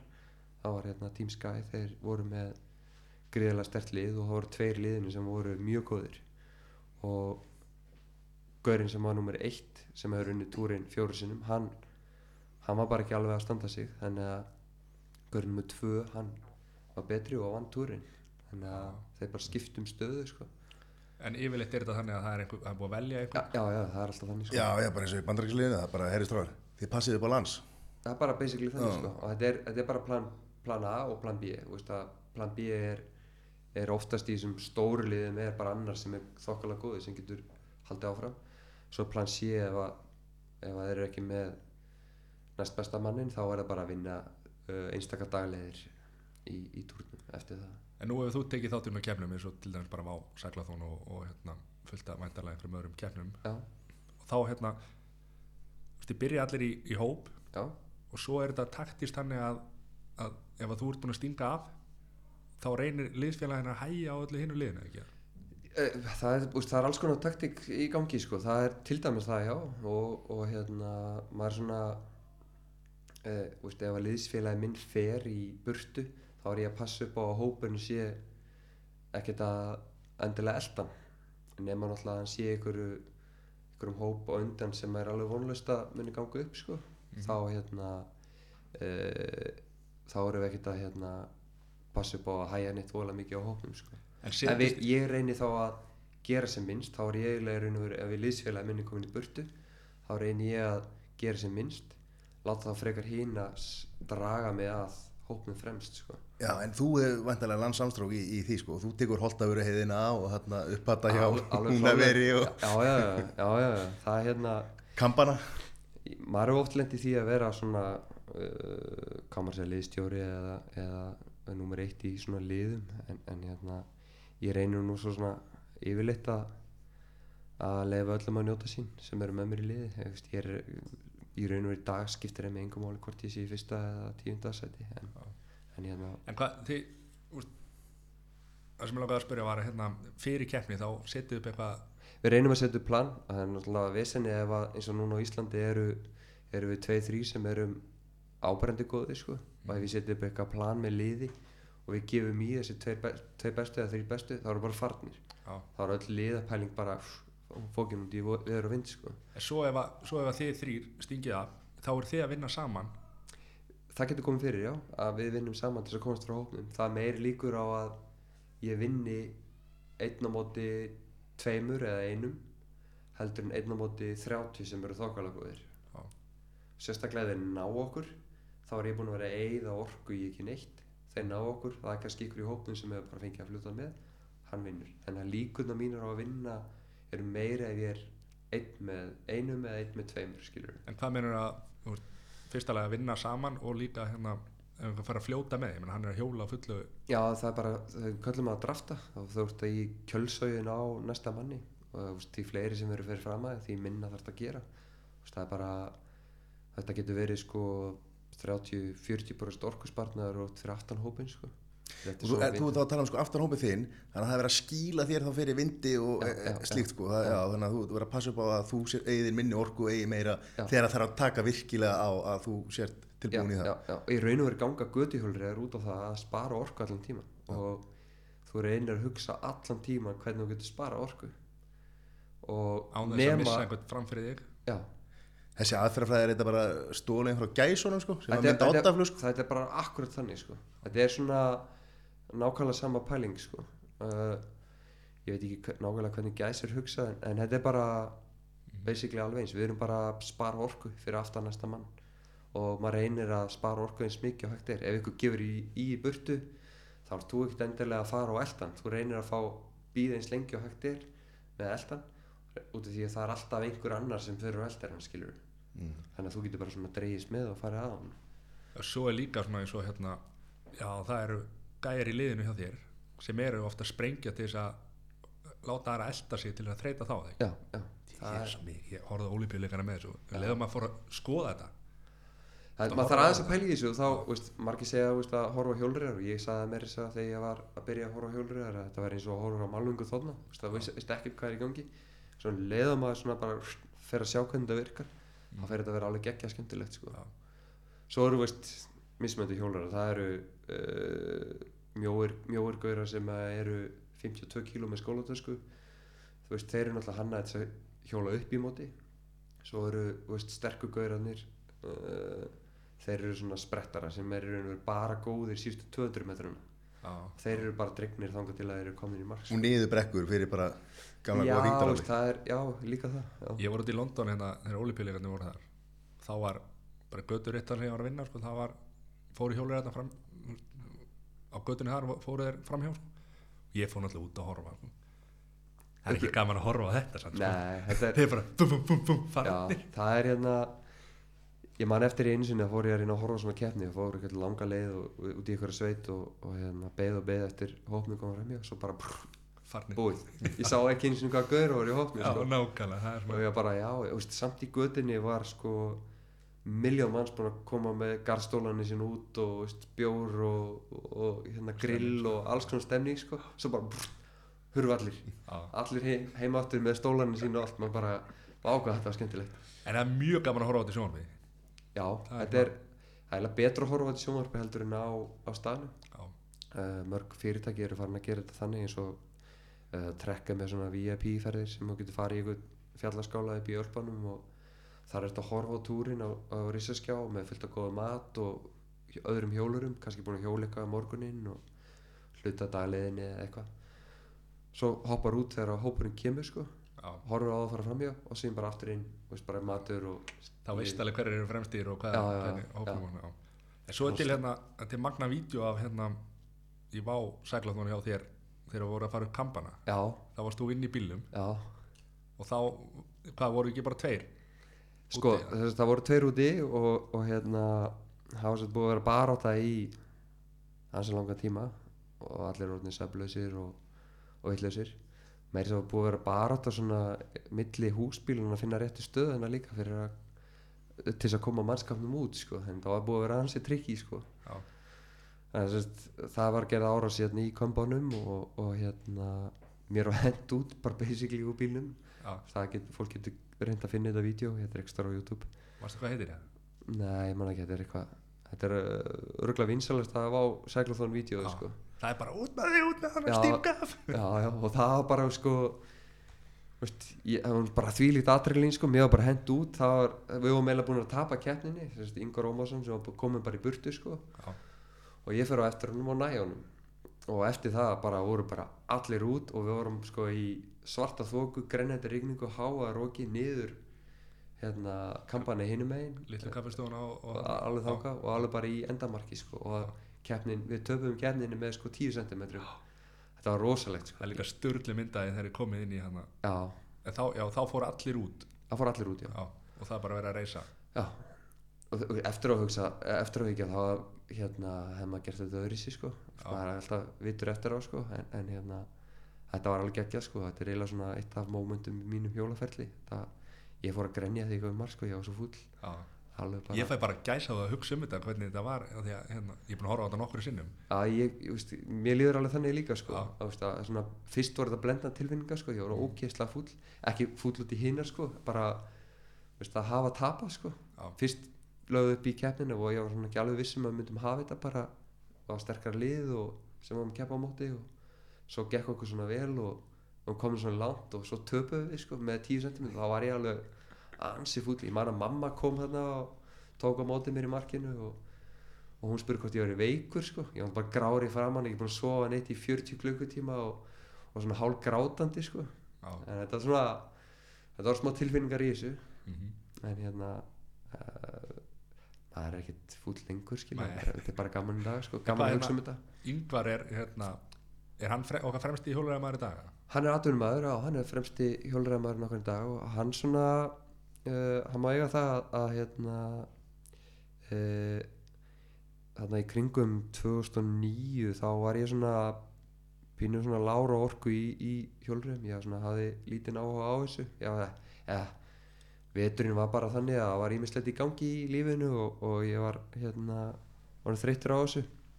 Þannig að var svona um það bil að gefast upp á þessu. En svo var hann bara að bæta sig gríðilega þarna 2009, 2010, 2011 og það svona ítti mér að stað aftur út í þetta og ég svona peppaðist upp í að ná aftur árangri sko. Þarna var komin ykkur sem að var árið þokkalega góður sko, mjög fljótt og það var búið að vera svona mm, svipað alltaf fram að þessum tíma. Ég var búin að vera bara í fremstöru alltaf sko. Þú varst bara, vannst ekki bara allar keppnir? Jú, þú veist, ég gæti mætt í keppni uh, í litlu formi uh, það var hérna einn fettur sem ég æði vola lítið var bara með feitur og, og hérna svo fór ég í hjólatúr upp í heiðmörk og þá svona kviknaði á mér aftur sko bara, ég var ekki búin hjóla í 2-3 mánu og kviknaði á mér aftur og, og hérna ég misti ykkur 5-6-7 kíló bara mjög fljótt og þrem vikur setna var ég komin fyrstu keppnina og ég vann hana. Þú veist, ekki í neinu formi sko. þetta var alltaf bara mikil reynsla og, og annað sem að hjálpaði mig þar það var alltaf bara göttjólakeppni, taktík, taktík. Uh, og það svona, já ítti mér aðeins að staða aftur og það sem að vera á fullu í þessu og svo kom hérna yngvarinn í þetta og það svona ítti mér ennþá meira áfram og ég fór að pæla aðeins meira í þessu og pæla í hvað við erum að borða og svona dýpri pælingar í kringum þetta. Mhm. á þess að gera þetta of leðilegt hafa þetta bara skemmtilegt og, en metnar koma aftur og að reyna að verða bestur. Og ég ætla alltaf að vera bestur ég ætla alltaf að vinna sko. þetta, já, þetta hjálpaði bæði þér og hjólreiðum á Íslandi bara að fá hann að sterkan inn og, og hérna. Alveg tímanlega sko og, og hérna þetta er svona, hann er að koma að inn þegar hjólur er að byrja að rýsa upp alveg bara á miklum hraða og e, kemur raun og verið inn hérna bara á hárétnum tíma myndi ég segja.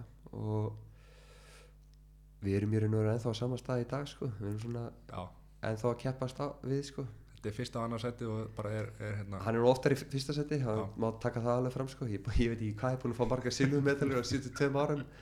En ég verð ekki þreyttur á því vegna þess að menn koma til mín og banka á öxlina á mig bara að, til hamingi með annarsæti eða þá maður kannski ekki að óska til hamingi bara að þú ræði því svo sem alveg en, en hérna, En tróttu þessu upp í já, það mátti eiga medali nei, nei, það er alls ekki þannig sko. Ég, ég hef svo rosa gaman að þessu. Þetta er finnst þetta svo geggja skemmtilegt. Og þetta er svo hvað maður að segja, þetta er svo krefjandi í dag, þú veist, þetta er mikið að hugsa um. Mhm. og eins og ég sagði á hana svo lengi sem þetta er skemmtilegt þá held ég þessu áfram. Já.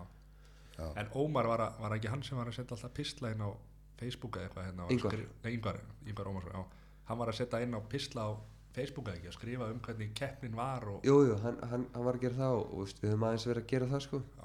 Hvað getur maður fundið svona Þetta er bara á Facebook síðinu hans og eitthvað svoleið sko. Og ég, ég er svona stundum í þessu en, en hérna veist, muni hérna skólabekkurinn mér finnst ekki voða gaman að vera eitthvað að tölvu nei, og, og, og græða og Það gera er sko. rosalega gaman að lesa þetta, þú veist, bara upp á að Já, já, það er alveg upplefa hvað þið er að hugsa meðan það er og Já, svo er hérna ég las þetta svolítið, hvað var í fyrra eða eitthvað, ég man ekki þá var hann að tala um alltaf, þú veist, á, Haffi var hérna og við vorum að, hann var að segja Já, þetta og já. svo gera hann þetta og þá þurfti ég að gera þetta og bara, Er þetta bara play by play eða? Já, já, þetta er, eða, þetta er bara mjög vel gert hjá honum að skrifa hérna En svo sem við plöggum því að það var náttúrulega er gefið út blað Petalar Já. sem að Einar, Einar Bárusson Já.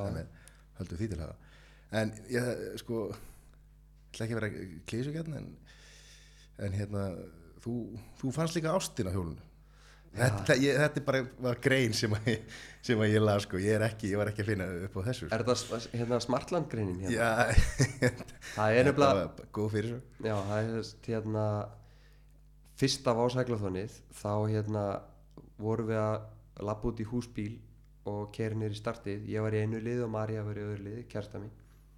Eh, við vorum náttúrulega búin að vera í smá tíma saman þá en en hérna við vorum að labba út í húsbíl sikkurinn húsbílinn og alltaf gerist búið að vera á full allan daginn að græða og gera og maður vissi það að framöndan var 40 klukktíma að vaka sko. Uh, og þá ringi Smartland í Mari og spyr hana hvort að við getum skrifað smá grein um svona, svona klísju grein um, um, um okkur sko og hjólurreðnar og svona fundum ástin á hjólinu skilur Já. og, og hérna er ég að segja ykkur algjörð leyndamál sko ekki segja neinum. Nei, En hérna- það fer ekki lengra. Það fer ekki lengra. Loka dyr og svona. Uh, við sérst fengum bara Pétur félagi minn sem að með mér í hérna, eina Bárðarsson æfintýrinu á sín tíma. Hann er góðu penni og kann að sk- skrifa skemmtilega. Við sagðum bara við hann að setjast þurfi fram með tölvu og búið til sérst, svara viðtalinu. Já, hann sérst, svaraði bara viðtalinu og við lásum aldrei yfir. Ég man ég bara las það ykkur á miðjan óttina í ykkurum húsbíl hérna á Suðurlandinu bara að þetta er flott jöðu Pétur. Hann var með þér í liðið ekki? Þannig hann var ekki í Nei, ok, seglum nei, þá já, liðinu. Já. hann var að vinna í Já, Erdnum þá og ég man hann satt í hérna, stólnum hans Jón Péturs upp á skrifstof og skrifaði hérna að svaraði viðtalinu. Það var svona einhver spurningar sem komu og hann svaraði öllum spurningunum. Og hann gerði það bara mjög vel. Já, ég held að verði meiri skellur að hérna, Jón Pétur heyri það að- að Pétur hafi sitt í Já, stóðum ég held að það væri alveg bannað sko. já, hann var í frí út á Spáni hann vissi ekkert, að- veit ekkert af því. það Hann er búið, við erum báðir hættir hérna en allt er góðu sko. Já, en, en, en hún hefur verið fremsta hjólræðakona Já, við höfum bæði verið svona í fremstu röð bara, er bara síðan við kynntumst. Ég dró hana svona svolítið inn í þetta sport, hún var búin að vera í þrýþrödd svolítið. Og, og hérna, ef ekki segja, bara, þetta hefur bara snúist allt um hjólriðar í raun og verið síðan, síðan við kynntumst. Og hérna, þetta, já, það er allt, við tölum bara um hjólriðar sko eh, og, og eigum í dag fyrirtæki sem að snýri að því að kenna fólki að hjóla þannig að við erum með, já, þjálfuna fyrirtæki Komum að sinna á það, hvað, hérna, hvað, er, hvað heitir þetta? Já, fyrst, fyrst vil ég segja að hérna, ég hef ekki ekki þessa hjólareynslu sko, en ég á, á nok nokkra félaga sem að, hérna, hafa farið í þetta já, og hérna og hafa farið á námskið, byrjuð á námskið hjá Maríu og það bara opnaðist einhver heimur sko. Já. þá, þú veist, þá, þá voru sem sko, að hjóla er ekkert að hjóla sko. þetta er bara veist, þetta er, er bara þvílíkt sko tækni og, og, og þú veist, þetta er þetta er ótrúleg þú veist, er, getur maður lært þetta sumir íþróttamenn eru bara með hérna, hæfileikana skilur, er, þetta samtvinna hæfileikum og, og æfingum Í, sko uh, maður fæðist alltaf með ykkur á hæfileika en, en hérna svo er þetta eh, gamla klísjan, ef þú ætlar að gera eitthvað þá getur þú gert það, það er það er svolítið svona mitt motto og örgulega Maríu motto líka, veist, að veist, maður fer þangað sem maður ætla sér að fara hvernig sem maður gerir það. Veist, að eins og ég sagði aðan, ég var í ísokki hefði ég haldið áfram í því, var örgulega verið bara í fremsturöðu þar, sko. Og hérna veist, ef þú ætlar að geta eitthvað í hjóluröðum eða geta eitthvað í einhverju þá ef þú ætlar virkilega þá gerir það það er bara svo leys þetta er, þetta er teknisport þetta er þólsport uh, götuhjólur er líka taktist sport þannig að þetta spila allt inn í og þetta læra þetta allt saman. En ef við tveir hérna fyrir bóluna kemur til, hvað, hvað værum við að fara að gera? Hvað, Ha- ha- það, er svo, það er svona eins og að fara í magabastaki takk eitthvað 20 kíló og tala svo um mig. Nei, sko, í þjálfun í okkur er uh, það er allavega fólk. Uh, okkur er alveg sama hvort það sé uh, einstæða húsmaður í, móður í breiðaldi sem kemur í þjálfun til okkar eða, eða atvinnumæður í hjólröðum, það er bara allir á sama leveli. Við reynum að gera sama fyrir alla. Og það er svona okkar markmið að, að allir séu á sama stað. Og við fylgjumst náttúrulega bara með því að fólk nái settum árangri. Við erum náttúrulega ekki að miða því að, að hérna, búa til atvinnu hjólræðamann úr manni sem er ekki í formi en, en hann er með sín markmið og við reynum að láta hann ná þeim markmiðum hvernig sem það gengur upp og reyna kannski að svona stjórnan mér rétt átt uh, oft er fólk uh, og upptekið að einhverju öðru heldur en að hafa gaman hlutan og þá nær það ekki árangri en hvað, hérna, hvernig, hvernig kennuru hjólurar? Eða þú veist, hvernig getur, er, er, er þetta útskýrið það? Já, uh, við erum með fyrirtæki bara sem heitir Hjólaþjálfun og við erum með uh, sal sem er með 41 hjóli sem er sérhönnu hjól til þess að þjálfa hópa inni. Og þetta eru bara hjól sem eru uh, hvað maður að segja það, það er sérst uh, litakerfi á þeim sem gerir hópþjálfum mjög einfalda. Þú veist, þetta er tölum alltaf um svona sóna álags sóna. Svona 1, 2, 3, 4 og 5 og, og hérna það fólk er bara sett í bara í raun og veru þregtest uh, álagstest. Hjólinn mæla vött sem þú framleiðir þegar þú hjólar. Og því betri sem það er því hærri vött framleiðir þannig að við getum sett bara fólk í ákveð test. Þá kemur upp einhver tala og hún býr til sónani í hjólinu. Þannig að það er allir inn í sala og við getum sagt bara allir að fara á grænan eða són þrjú eða þá er allar sama level inn í salnum. Þannig að þetta er ótrúlega svona auðvelt að mónitora heilan hóp. Þeir sem eru óvanir, þeir eru þá vantilegst neðar og þeir sem eru vanir eru það er bara, þetta er bara með- talað þín, hún stjórnar sólanum þannig að hérna í raun og veru skiptir einhver máli í hvaða standu þú ert. Svo bara í raun og veru þessi tala sem hún færði út af testinu þetta er raun og veru lóðin sem að þú ert að bæta á stöngina. Og því með herri sem þessi tala verður því betri verður svo kemur vandamáli að e, þú tekur þyngdina þinn og deilar inn í þessa tölu þá erum við komið við vött per kíló á þess að fara eitthvað og já, djúpt í það. að það þýðir sem sagt það við erum með, ég er með eitthvað tölu hún er 300 eða eitthvað svo leis og þyngdi minn er 75, ég deili því í töluna þá er komið vött per kíló. Þannig að ef þú er með sömu tölu veist, kannski eitthvað öllítið þingri en ég aðeins. aðeins við fáum okkur koffi Já. hérna, uh, þá er þú með uh, lægri vött per kíló skilur þá fyrir það hægar upp brekku skilur svona, þetta er ekki þetta gamla, veist ekki spinning hjólið þarna? Nei, þetta er, veist, við byrjuðum, uh, byrjuðum þetta koncept okkar inn í Reebok á spinninghjólum sem voru með samt sama kerfi, þetta Coach by Color Já. sem ykkur er þekkja. Uh, en svo voru framleitt hjól sem að uh, voru hönnu sérstaklega fyrir reyðhjólafólk ekki spinninghjól, þau hætti að snúast þegar að þú hættir að pedala eins og venlegu reyðhjóli þau snúast ekki áfram. Þetta er ekki sídrifa á þessum hjólum.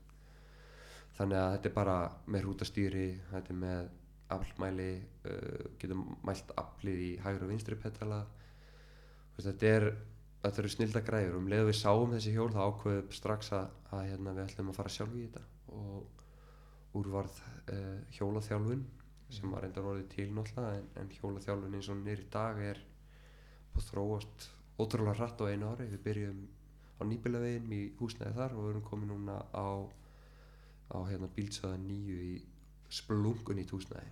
Ok, og þetta kannski gjörbreytt hérna hjóla æfinga landslæðinu þú veist þegar að þú byrjaðir að bara út í snjóun og bylinn sko að þarna getur æft allt árið þegar ekki Sko, ég hef alltaf sagt að eini hjólreiðar hérna eru svona frekar boring uh, en ég hugsa oft þegar að þjálfa uh, af hverju var þetta ekki til þegar þegar hérna ég var að byrja að efa hjólreiðar eða fyrir tíu árum síðan vegna þess að uh, mér finnst það þægilegt að geta bara mætt einhver staðar. Ég þarf ekki að hugsa neitt og það er bara einhver gaur sem segir mér ég á að gera þetta og þetta og þetta þá bara klukkutími allt í einu búinn mm -hmm. staðan fyrir að vera heima einn inn í stofu veist, með matalikt í húsinu og, og sofan beint fyrir fram að mig það er ekkert eitthvað gríðarlega hvetjandi sko. Nei. þannig að þetta er ég vildi óska þess að þetta hafi verið til fyrir tíu árum síðan í þessari mynd Já. Mm. og fólk seg, það segja allir sem koma að inn að, að hérna, þetta sé fílingurinn að það bara tíminn líður hratt og, og hérna e, þetta er ekki eins og hjóla í stofinni heima þar sem tíminn líður ekki neitt. Mm.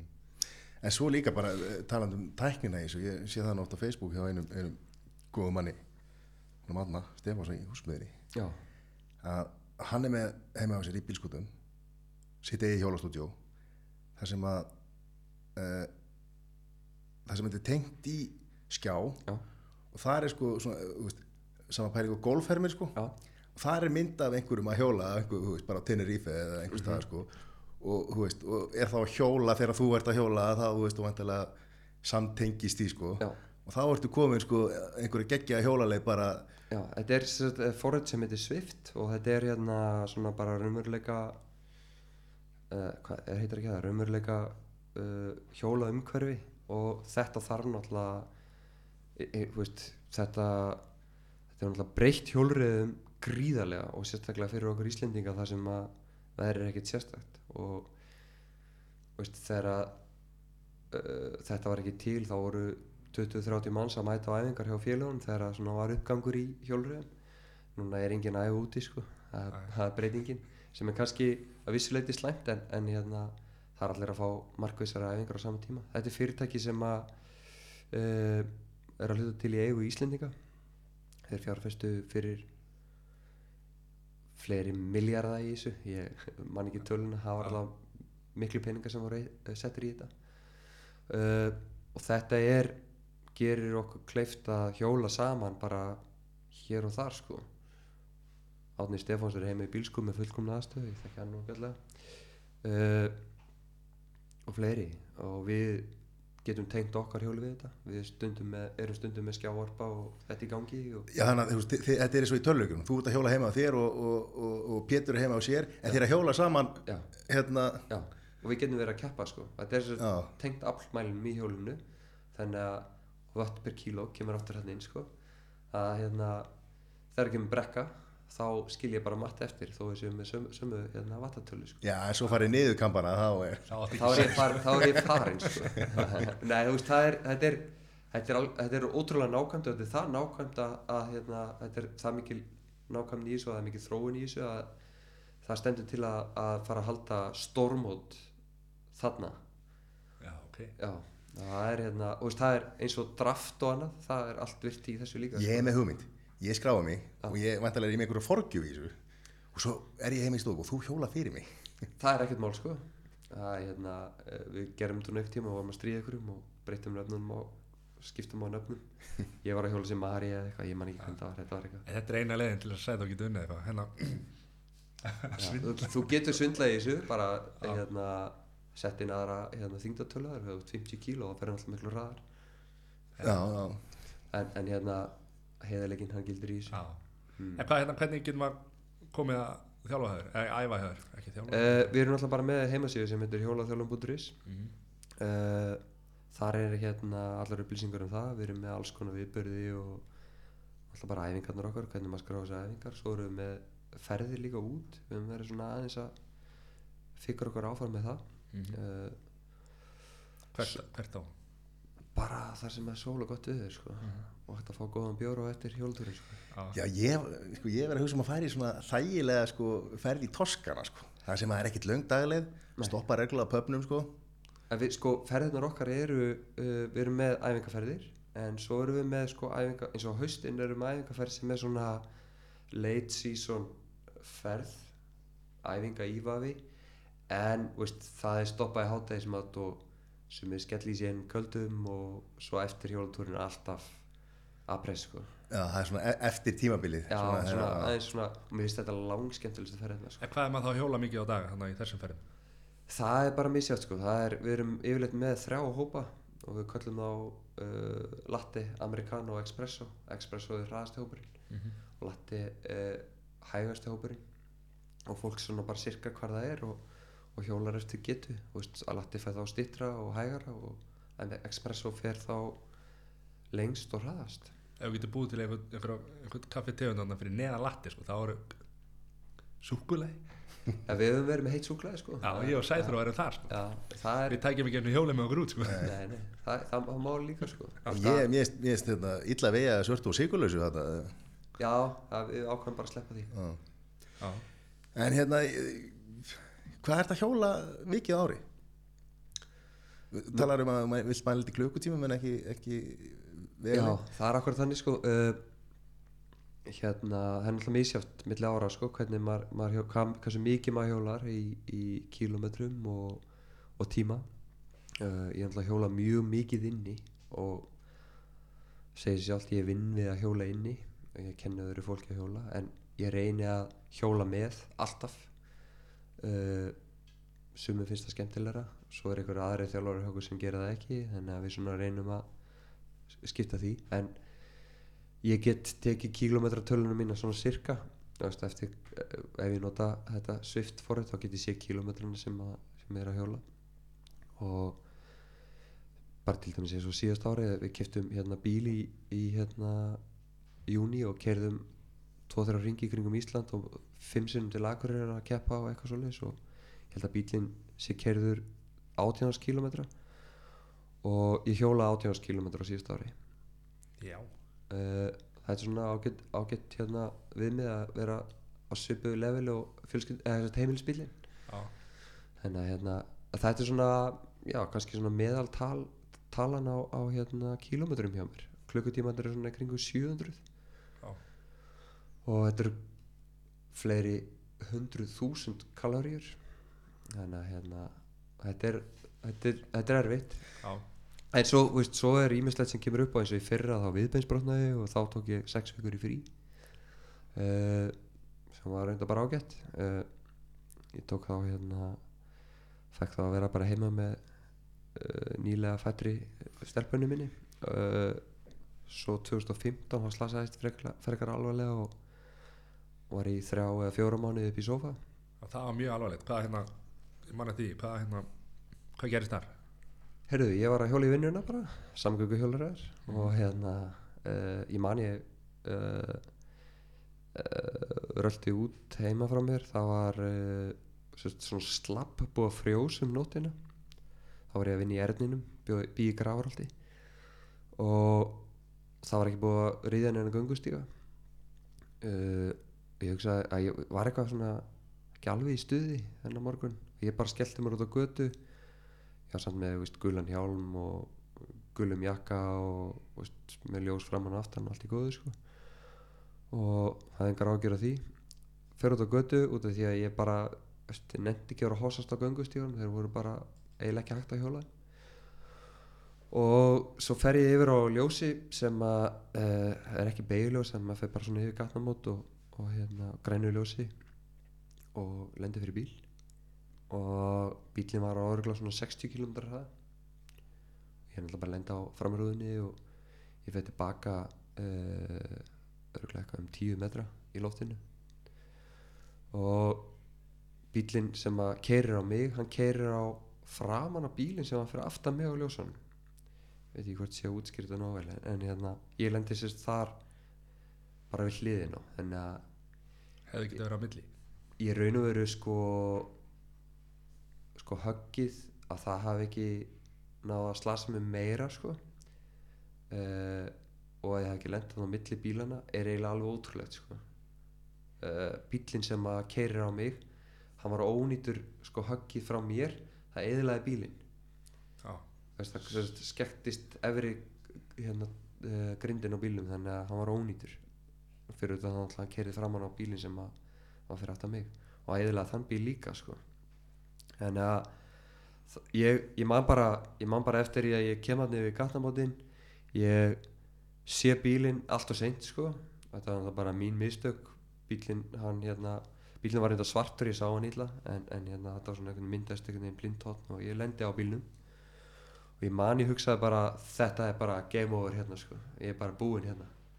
Þegar þetta var það mikil hraði þetta ge gerist bara bara gerist á núleitni sko en það hægist á öllu þegar þú lendir í svona það er einhvern veginn svona tíminn hann bara stendur í stað og ég man eftir öllu svona í dítilum sko. Ég man ég lifti petalónum upp til þess að reyna að sleppa við stuðarann og ég man þegar ég býti kuðum þegar ég lenda á framarúðinni svo bara man ég bara stoppa veist, það bara, þetta gerist bara allt svo stoppa ég. Og ég ligg hann í jörðinni á okkur klagabunga og ég hugsaði bara, vá, heyrðu ég er bara á lífi, sko. Og þá fer á svona stað, sko veist, hvar ligg ég, ligg ég út af mér í götu er ég að fá annan bíl á mig og líti kringum mig, nei, ég er í góðum málum, ég er hérna bara eitthvað staðar að koma ég sá bara svona í móðu, bara svona fólk fyrir ofan mig, sko. Já. og þá fer ég svona að tjekka, veist, hvað er í lagi og ég tjekka puttum, allt í lagi tjekka hálsinn, allt í lagi og tætnar, jú, ég finn fyrir þeim og ég bara, þetta er bara ég er bara sloppið alveg út úr þessu sko. Svo lít ég niður og þá sé ég löppin á mér og hérna eiginlega um leið þá finn ég sársökan þá snýr sér að sér sköflungurinn á fór alveg í sundur og hún sér var búin að snúast heila ring og lá svona í elli við hliðin á og svona eiginlega ítt í hinn á löppina. Þegar við séum svona fótboltaslýst það sem að vera að stíga á sköflunginu mönnum þeir brotna. Já. Það var bara svoleið sko, hún bara dinglaði bara í hjólaböksunum sko. og hérna, ég maður bara, ég horfði á löpinn og bara, hm, þetta er eitthvað skrítið sko. Og svona var á kvolfi og ég hugsaði bara, ég er búinn að missa löppina sko. Mhm. Og þá fór ég í eitthvað panika, ég væri að fara að blæða út og, og sásauki og, og það- Sásökin kom bara þegar þú sást þetta? Það bara um leið og ég sá þetta sko. Það var mjög sérstætt sko. Og svo bara kemur fullt af fólki og svo kemur löggan og þetta svona gerist svona tildulega hratt eftir þetta og, og, og hérna já sjúkrabíl og ég man bara ég, ég hugsa bara það þurfa að koma allir hérna sem er hérna og setja mig á sjúkrabörn. Ég ætla ekki að láta reyfa við löppinni sko. Mhm. ég var svo bara hrættu við að Missa hana. Missa hana bara sko. Og það gekk ágætlega að koma mér á böru og svo náttúrulega komin í sjúkrabíl. Það var ég var svona eiginlega alveg dett út í sársveika sko. Og gaurarnir sem voru í sjúkrabílinn þeir svona könnuðist aðeins við mig. Það er alltaf búið að vera mikið af slökkulismönnum og sjúkraflutningamönnum kom í örnin alltaf og, og ég segi, herru, get ég ekki fengið eitthvað verkefli og bara, jú, jú, slakaði á maður. Það er út að fá hérna góða blöndu sko. Og svo ég heyri hann eitthvað segja við félaga sinn hérna uh, að geða hann hérna veist, aðeins meira verilega eitthvað svona. Og ég bara, ok. Svo bara tengdi hann eitthvað í mig setti legg í mig og sprauta í mig og þess að herru, slakaði bara á, það verður gott partí núna sko. Ég man bara eftir að þetta var alveg rétt í honum það var bara svona um leið bara, jú, það er gott partí. Ég er góður núna. Þú ætlar að fara að dansa bara á annari Já, en þetta svona setti smá strik í reikningin og hérna uh, smá sjókurandi en veist, ég finna það til í dag skilur þetta eru þrjú ár síðan uh, það er næsta mánu, það eru þrjú ár síðan. Og veist, ég er ennþá að glíma við alls konar vesen út af þessu en ég er svona bara ákveð að reyna að horfa svolítið fram hjá því. En, en hérna, þetta er svona ég var heppinn þarna, það var eiginlega mjög heppinn. Og, og og er eiginlega svona í þokkalega góðu standi með allt, ég hef getað mist löppina og hef alveg getað bara endað minni íþróttafyrir alveg þarna ég maður bara þegar mamma kom tíminu upp á spítala og hún horfði á mig bara svona og ég hugsaði bara svipnum mann, annarkvæmt hún var að skamma mig eða hún er að fara að grenja eða eitthvað sko, þetta var eitthvað svona sérstætt andrúslótt bara, bara jæja, veist, hvað varst að gera núna? Þetta var þessi fí fílmurinn sko. Nú þarf þú að fara í háskóla. Já, það er það þú veist það, þannig að þeir hætti í borgál sko, þetta var sami svipu sko. Já. En það var, ekki það var ekki svoleiðis en, en hérna en hérna ég man ég bara fyrst sem ég sagði mömmu bara að herru, þú veist, þannig var ég heppin ég var næstu í dáin sko, hún bara horfði á mig á þú veist heppin fara nú varlega. Já, hættu sem helviti sjálfur Nei nei, aldrei, aldrei En Ég man, eftir ég heyrði hérna, þegar þú varst komin á lappir aftur og varst að vinna í erðinum þá man ég eftir að það var engin, enga bilbu á því að finna sko. þú ætlaði bara að koma sterkur tilbaka og það bara næsta ár og, og hérna. Já, ég ákvaða strax að, að, hérna, að þetta var verkefni að, leysa. Og það er raun og veru bara attitúti mitt, ég man ég seti broskall á hækjuna og ég horf alltaf á broskallin og þú ert minn maður sko. Veist að, ég tók myndi af Instagram eitthvað tíman og, og, og veist, ég hef oft hort á þessa mynd og bara veist, þetta var attitúti sko. Að liggja í sófa í næstu þrjá mánuði það er náttúrulega fyrir mann sem er snar óvirkur sko.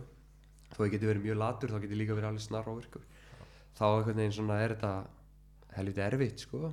En, en maður verður bara í svona verkefni verður maður bara að vera jákvæður og reyna að horfa ekki oflant fram í tíman mhm. og veist, ég held að þetta myndi gerast á sex vikum en þetta tók sko árið og er ennþá í prósess sko þannig en þú ert ekkert búin að hlýfa löppinni sko, heldur Nei, nei, veist, uh, hérna, uh, maður mömmu minnar, hérna, uh, hann er yfir baklunagnir á, á spítalanum og hann hefur svona, hérna, hjálpað mér mikið með þetta. Hann hefur, hérna, ítt mér svolítið meira áfram heldur en hitt, sko. Það er bara, þú gerir það sem þú getur, sko. Mhm. Og ég er svona svolítið farið eftir því, sko. Veist, uh, ég reyndi að sleppa verkefliðum eins fljótt og ég gatt vegna þess að, að hérna, ég vildi finna svona hvað ég gæti ég fann að hjóla mjög snemma sko. Uh, bara veist, þá eru skrúi sem heldur löppinu minni saman sko. en, en ég þróskast við og fór á hjóli mann ég breytti eitthvað petalun þannig ég geti klippað mig í petalan svo að ég myndi ekki snúa löppina í sundur þegar ég klippaði mig úr sko.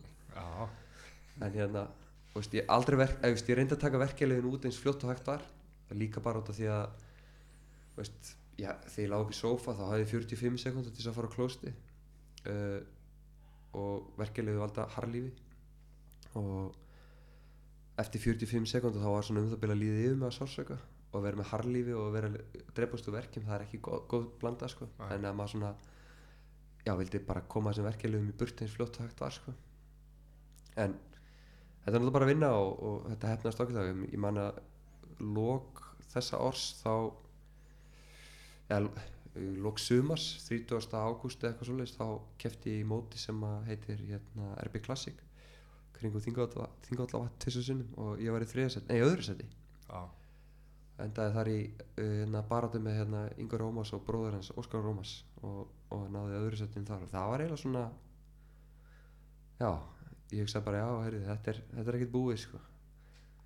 Þannig að hérna, ég, ég hérna ég var fljótt úr þessu. En, en, en eins og segi, það er ennþá að ég veist, ég á erut með að hlaupa og ég er svona að reyna úr því núna. En svona þá, rétt í lókin að ég meina hjólreiðar eru eins og aðrar íþróttir að það er alltaf, alltaf einhver slís að hætta og, og það hafa komið slís og ekkert langt síðan að var slís uh, upp í öskjulíð, já, hjá, hjá stúlku. Eh, það er nú ekki hægt að segja að hérna, brína fyrir fólki að fara valega þegar slísin hérna, geta nú komið fyrir alla sko. mm, En það er samt að sko eins og að eins og hjóli í umferðinni. Þarf hjólræða maður ekki sko þó að hann eigi rétt og annað sko. Þarf ekki að passa sér samt á á sko ég ætlum ekki að segja glæfræðistri en þú veist passa sér á fólkinu bara svipað um að gera á bíl sko. Maður er alltaf að hugsa um alla í kringu sig. Þarf ekki að vera og líka þeir sem er á móturhjóli þeir þurfa að hugsa ekstra mikið um það hvað, hvað bíla þeir eru að gera. Jú, jú, sko hérna hann tilfyllt af hjólræðmennu sem eru algjör, algjörir hérna ekki fátar, það eru algjör fíbl en þú veist, hafa sér bara illa í umferðinni. Það er sama bara með bílstjóra það er fullt af bílstjórum sem hafa sér svo hálfvitar og hérna uh, það er svona ágætt að hugsa, hugsa þannig að, að ég hef svona reynd að gera það þannig að, að uh, ekki beint treysta bíls, bílstjórunum ég, ég er ekki að segja að allir bílstjórar séu ömulegir sko. Ég get, get alveg verið að gera alls konar í, á hjólinu en alltaf meir og meir er ég að reyna að þroskast í þessu og ég fer til dæmis ekki yfir rauðljósi það myndi aldrei koma fyrir í dag ég er að þjálfa fólk sem að ég passa upp á að fara, fer ekki yfir rauðljósi ég er reyna að gefa stefnumerki hvert ég er að fara og ég er svona pínu nörd í þessu. Stundið því ég er einn þá er ég að gefa stefnumerki hvert ég er að fara. Það er enginn kringum mig sko, þinga allavega kannski. En veist, ég er bara vanur því sko. Það er ágætt líka. Þannig að veist, að vera bara vakandi og ekki svona kannski eins og ég segi ég treysti ég hugsa ég já, ég treysti ekki bílstjórunum sem er í kringum mig þó að örglegt að treysta þeim sko. En, Já, en þeir, eru, þeir eru bara að senda SMS sko. Það getur alveg verið þannig sko og það líka sko eins og uh, gerist stundum og maður er að fara yfir á grænu ljósi eða eitthvað svoleiðis og það er fyrir ykkur yfir á rauðu ljósi og ég hef margótt lent í því að vera mjög tæpur þar sko og, og að fá bíl á mig sko. En að maður er að passa sér líka á að vera viss þegar maður fyrir yfir götu eða beigir ykkur staðar eða kemur að gatnamótum að sé ekki bíl að koma. Og það er það er fjandi vond að fá bíl á sig sko. Og svo er þetta náttúrulega líka bara eins og segir hætturnar, þetta er hættulegt og eitthvað svoleiðis, það það er allt hættulegt í lífinu það er hægt að slasa sig alls staðar í lífinu. Uh, þú veist, þú getur stór slasaði bara að fara í bað sko, en að uh, eins og nefnir hérna með stelpunni í öskjulíð að, að hérna, ég hef nú kom að því máli. Ég var uh, með henni í öskjulíð þetta gerist og, og við erum tveir hérna með henni sem að erum svona hlúa henni eftir hún dettur og þetta var mjög saklust um, mjög saklust þetta hún bara dettur fram fyrir sig og lendir óheppilega og, og því miður fór sem fór og, og þetta er svona, já, þetta er svona kannski setur svona smá strik í reikningin hjá manni hvernig maður hugsar eh, um bara allt í lífinu eftir svona. Og það var þetta atvik, þetta sumar sem að breytti ímsu hjá mér sko. Veist, þetta hafði gríðarlega áhrif á mig. Veist, ég var lengi að jafna mig eftir þetta. Sem betur fer fekk ég svona góð aðstof með það. Og ég hugsa hinn strákun sem með mér hérna hann var líka lengi að, jafna sig eftir þetta. Og eflust erum við ekki búin að jafna okkur eftir þetta. Uh, þetta var alltaf eftir að, að fylgja okkur alla æfi svona, svona slís, þetta er gríðarlega alvarlegt slís það breytir lífi hjá þessari konu gríðarlega þannig að veist, ég er ekki, ekki að vorkina okkur en ég er að segja að, að, að hérna, þetta er svona áfall fyrir alla fyrir, sérstaklega fyrir hana og okkur líka. Svo er það náttúrulega hann sama sumar þá verður hann þetta slýst hann í gullringnum sem að var aðeins komið inn á örugglega þarna hjá einari barða sinni. Uh, sem að ég kem líkað og ég er svona það er tveim vikum eftir þetta ég stóð þar og hugsaði herru ég er hættur þessu. En auðvitað reddaðist það og, og í, í hjólurarkeppnum verði alltaf einhver áföll og bara þetta var svona í verri kantun með einhverjum að kenna beint. Það var bara uh, óhapp og liðlu frágangur á, á götu. Já, er það er ekki að Ég- ég- Ein, ein hérna, við getum ekki endað þessu sko. við erum aðeins að hérna, núna er þetta öll þjálfun og allt orðið miklu betra heldur en var. Já, og þannig að hérna, ég bara spái ef, að, hérna, ef það hefur ekki farið ólupíleikana í, í siglingum þetta er hefur viljað fara í ólupíleikana í hjólum? Er einhver sjens að Íslendinga fara á, á ólupíleikana í hjólum? Já, já, það er bara sami sens og, og, og hérna e, í siglingum í raun og veru sko, að, að hérna e, komast inn á e, eins og ég sagði Er það vælkarti eða, einhver Já, annar? úst, það, það, úst, hérna, við erum náttúrulega langt á eftir í, í getu. Uh, ég er að spyrja því sko, hvernig, hvernig framtíðin og, og öll þessi hjóla ég, þjálfun ég, held, ég held að, að framtíðin sé uh, ég ætla að vona að við náum að draga fleiri unga yðgöndur inn í, í sportið. Það hafa verið að koma eldri yðgöndur inn í sportið sem er allt í lagi. En, en hérna, það væri gaman að fá þá sem, sem að munu geta eitthvað veist, uh, eins og uh, veist, ég, ég byrja þegar ég er 24 ára í þessu sporti það er náttúrulega alltaf seint í raun og veru nema ég væri bara eitthvað supertalent. Uh, yngvar er ég veit ekki hvað hann er, þrítur hann er, já, alls ekki vera þrítur á þessu ári. Veist, hann er bara veist, hann á eitthvað eftir skilur en, en bætingarnar á per ár er ekkert gríðarlega miklar sko, ert komin á þetta level. Þannig að hann er ég ætla ekki að segja hans er setn ég ætla ekki að draga úr því sem hann er að gera en, en veist, það, hann veit alveg sjálfur að hann, hann á þessu topp level er ekkert mörg ár eftir sko. Hann er svona svolítið setn inn í þetta líka þó hann byrji yngri en ég. Þannig að við þurfum að fá okkur inn í þetta sem eru yngri tíu ára jafnvel. Já, en getum við ekki sagt á að þetta sem er að gera með þessa hérna, hjólaþjálfun og, og, og þá hjóla aðstæður, er þetta ekki þá bara hérna, innan hús hallirna fyrir hjólinn sko? Er geta þá krakkar ekki byrjað að æfa markvist eh, sko allt árið í kring? Jú, í raun og veru og það er uh, það er alveg dasgrunn að smíða innan hús braut ég veit að er uh, ég veit ekki hversu langt það er komið. Það var fyrir ári síðan var talað um að þetta væri fimm ára projekt að byggja innan hús höll sem er braut. Ég veit ekki hvort þið að sé þetta einhver staðar en þetta er 250 metra löng braut. Að ringur það já, Já. bara ringbraut Mhm. og þetta er bara svona fjölnóta íþróttús með ykkur í miðjunni og svo er bara braut í kringum þetta og hefur hjóla á svona bröta Já, þetta er alveg mjög sérstækt sko. þetta, er, þetta er mun meira skeri heldur en þetta lítur út fyrir að vera þetta er 45 gráður minnum í, í kontónum sko. Já. Já, þetta er svo hérna skautadir hana.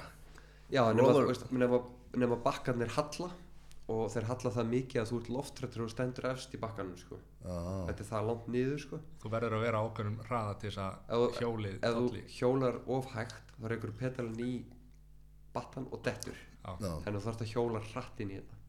Ég hef hjólað svona, þetta er mjög sérstætt en það, ég held að það sé ennþá á dagskráni að smíða svona hús. Uh, ég meina af hverju ekki, það eru ansi margir ytkendur í hjólröðum á Íslandi og, og, og hérna uh, það er til frjáls íþróttahallir fyrir örugla álíka er í hjólröðum í dag.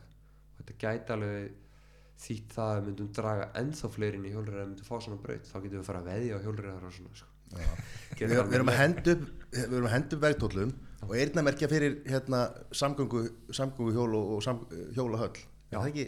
En það er reyndar hérna innanús hjólriðar, ég vil bara segja það út af því að er, við erum að tala um innanús uh, braut uh, og það sem við erum með inni, það er keppni á lögadaginn innanús á Akureyri í dýrustu hjólabraut sem að hefur verið búin til í heiminum, já, valeiðagöngum já, það er sem sagt, ég man ekki hvað 2,5 miljardar per kílómetr og það er sem sagt göngunum er loka á lögadaginn held ég fyrir hjólakefni ertu að taka þátt það? Ég ætla að fara uh, Ég uh, Því miður kennst ekki. Ég hérna hefði þýrið verið til að hjóla á þessari eðalbraut Já, upphittuð og heita nýtt þarna. malbygg og þetta er bara þetta var svona minn draumur hefur verið til dæmis að halda keppni í kvalfyrirgöngunum Já, ég ætla einmitt að spyrja, Bara að- er, hefur ekki, hefur ekki hjóla Hvalfjörður það er bara svo mikil umferðar að, að, myndi, að það er ekki hægt að gera það þegar umferð vegna þess að þá er mikið mengun. Uh, og það þarf að loka göngunum og glætanir myndi að gera það sko. en það er eitthvað sérstakt með vaðlega göngin þeir náttúrulega eru náttúrulega reyna eins og þeir geta að búa til eitthvað jákvætt í kringum þetta sko.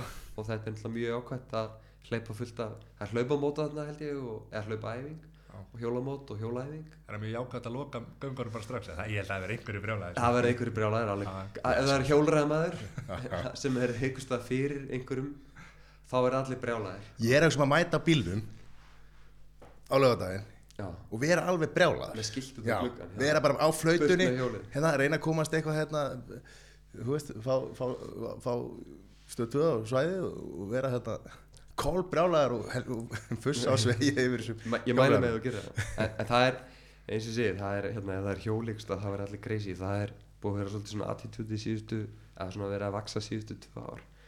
Hvar sem maður er, þá er alltaf eitthvað eitthvað vesinn sko og þá veist, stundum það alveg rétt, rétt á sig sko. Og veist, það er einhver á flegi ferði upp í heimörk og það verður allir crazy og einhver á ægi síðinni á alltaf mikil, mikilli ferð og brunandi á milli hérna barnavagnana og, en það er alltaf, alltaf hjólræðar Já, það er alltaf bara fyrir öllum sko. Það er að- fer, þá fyrir um þetta götu og það verður bílstörnir brjálæðir Já, svo er maður á, hérna, á reyðstífunum og þá er allt villast já, stæli já, En hérna, Ég, ég, ég ætla að segja bara, að þetta verður allt lagast þegar að hérna, þegar að vera komið vegdóllar og það tímir enginn að keira út úr bænum sko, eða inn í bænum, hann er hjólallir út á land.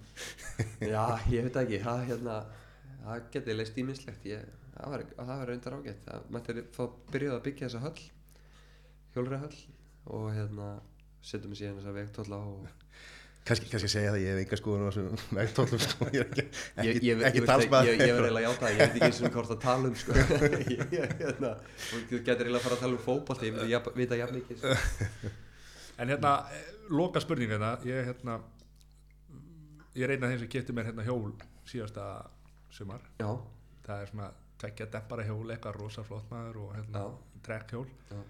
og hérna, hvað ég er að leita mér að svona leiðum til að hjóla og svona, hvað hérna veist, hvað er maður að hvað, sko hvað það er er maður náttúrulega að æfa hjóla nei, nei, veist, það er, veist, ef langar að fara að hjóla okkur skemmtilegum stöðum þá eru endalust af möguleikum og auðvitað er heiðmörkin skemmtilegust. Og henni var aðeins loka síðasta sumar. En ef fyrir valega þar þá er, þá er alveg leifilegt að hjóla þær núna. En maður bara að sína tillit til ja, hlaupara þurfa að sína tillit til okkar og við til þeirra og göngufólks og annara sem eru þarna. Og ef það gengur upp þá er allir sáttir. og það er langt svona þægilegasta svæði og það er alltaf gott viður. Ef þú vilt fá eitthvað tæknilegt þá fyrir öskilíðina uh, fleiri stígar, hólmsiðin það er alveg endalsta stígum þar. Við kallum að bakarinn minn ég bara býð þar rétt við sko. Já ég býð upp í árbæð sko, þannig að það er líka bara rétt annað Rauðavatn, uh, allt þar í kring. Svo er það jaðarinn frá bláfyllum og niður í heiðmörk og það er alls konar í kringum. Já, og ekki langt að fara í hérna, hvað heitir þetta? Hérna, verð hérna í gegnum kvalfjörðin og niður í hvergeri, Reykjadalurinn, Reykjadalurinn? Já, ferð frá uh, frá segja. þú getur farið inn í kvalfjörð og farið síðan yfir. Já, Já, já, ferði bara beint þangað í hverjegeri þú, já þú ferður í enda fer, og á endaru sko. Já, þar. það er reyndar alveg rétt hjá þér þú segir það. En hérna svona áður en ég missi ykkur þá langar mig að hérna segja að við erum með Snapchat ég og kærasta mín. Uh, hjólaþjálfuna Snapchat hjá okkar Snapchat, maður er svo kveðar ég get ekki sagt þetta einu sinni. það er bara hjólaþjálfun og hérna með, með ís, íslensku stöðum ekki? Tjálfu Jú, er það ekki? Er, er, er eina sem það hlýtur, fólk hlýtur að finna út af því. annarkvæmt hjólaþjálfun eða hjólatjálfun það, það hlýtur eiginlega að vera bara hjólaþjálfun já, hvað ég veit ekki Nei, svona uh, fólk leitar að þessu og hvað hérna Þannig þið- erum við að alls konar bara, þú veist, lífið okkar og líf hjólaþjálfunar sem er eiginlega líf okkar. Mm Mhm. þetta er svona okkar okkar barn, eitt af okkar börnum. Og við reynum svona að vera svona persónuleg og, og reynum að gefa ráð og, og, og, og annað skemmtilegt. Við erum svona opinn, við erum hleypum fólkin í líf okkar. Já, Ég ætla einmitt að fá að skiknast aðeins í bakvið í, í, í engalífi sko. Já, Ég meina, nú eru þið með barn. Já, Þú veist, hver fær, við erum með tvö bönn þeir eru með tvö börn. Já. Hver fær að fara út að, að hjóla á kvöldin og hver er heima? Ah, nú ertu komin að hættulega braut maður. Ég er ekki svo vinsalust á heimilinu. En hérna Við svona reynum að reynum að hérna gera það þannig að allir eru sáttir. Auðvitað eru árastrar í því eins og öllu öðru í öllum samböndum. En, en hérna við reynum að já, skipulegja tíma þannig að, að það komast allir á æfingu. Ég, eins og ég segi þá er ég frekar ein, einstaklingurinn í því sambandi og að kærasta minn geti alveg tekið undir það. Uh, en veist, við finnum alltaf tími í þetta. Er, við erum alltaf þjálfa hjólurar en við getum nýtt tíma svolítið í það. Uh, en, en hérna, stundum þurfum við bara já, kasta upp á hver á að fara út hver á að passa. Það er svolítið svo leys það maður að passa sín eigin bönni er? Já, Marja segir alltaf þú ert að passa í dag Já, þannig að- ok. já, Vel gert. ég segi aldrei við hann að þú ert að passa í dag. Nei, passa maður því sko. Já, Ha. Ma, maður, maður hefur það alveg hreinu sko. Maður er að passa sig hvað maður segir. Já, en það er hérna já, Já er, erum við ekki bara orðnir þéttir eða? Ég held að, já. Hjóla þjálfun. og við höfum búin að nefna allt að, og ég hef búin að plugga öllu það ekki? Ég held að. Örnin hann styrkir mig. Já, það er bara mín hjól, Mhm. Jón Pétur. Jón Pétur. Hann Trek. stendur- Ljú- Ljúfasti maður landsins, eins og gætna kallaður. Hann, á ég að segja hvað ég, mér finnst um hann Endilega. Já, að hérna hann er rosalega góðu vi- vinnur allra og hérna rosalega góðu maður. En hann getur verið ansi erfiður yfir maður Hann er stífur, hann er á gamla skólanum sko. hann er á gamla skólanum sko. Ekkert endilega leikvætt en hann getur verið rosa erfiður. Mhm. stundum á maður að skili stundum ekki. Honum er alveg saman það. Já, já, veist, það er bara gamli skólinn sko. Það er bara svo leið sko. En en hann er alveg frábær. Og hann, hann hefur uh, bara stutt mig og, og Maríu alveg bara mjög vel síðust Mhm. ár. Og hérna, vonandi heldur hann því áfram. Ég er að reyna að fá hann til þess að halda því áfram sko. Já, að hérna, veist maður er farin að eldast og svona og kannski segir hann bara, hérna, nú gengur hann ekki lengur. En á meðan heldur áfram að vera í topp Þremur, já, þá lítur fjórum. þetta að vera í lagi sko. Já, já já, já, segjum það. Herru, við bara erum Já, herri, ég ætla bara, við hvetjum landan til þess að hérna að sko bera virðingu fyrir hérna hvort öðru í umferðinni í samgöngu hjólreðunum og, og, og, hérna og að er, það þurfa allir að vinna saman og, og hérna taka tillit til, til, til það allra verður- samgöngum á það það verður allir að gera það sko. Það verður allir að vera vinnir og við verðum að það verður allir að vinna saman veist, að vera, það er allir saman í þessu sko. Það hljóta að vera markmið öllum að komast heilir á höllni frá ATB eða ekki? Ég heldur enda stundum ekki en, en hérna, maður reynir það allavega og, og ég vona að hjólræðamenn og bílstjórar reynir það að, komast heilir heim og, og slasa ekki neinn í leiðinni. Bara við hugsaum alltaf þegar við kerum fram hjá skóla að við hægjum á okkur þegar þar eru börnarlaup um, allt. Það má alveg líka hugsa þetta út á götu að, að hérna að hæja þess á sér, það getur verið ykkur í myrkrinu sem er gangandi eða hlaupandi eða hjólandi. Og það er sama fyrir hjólræðamannin að vera ekki að vaða út í eitthvað sem getur verið hættulegt.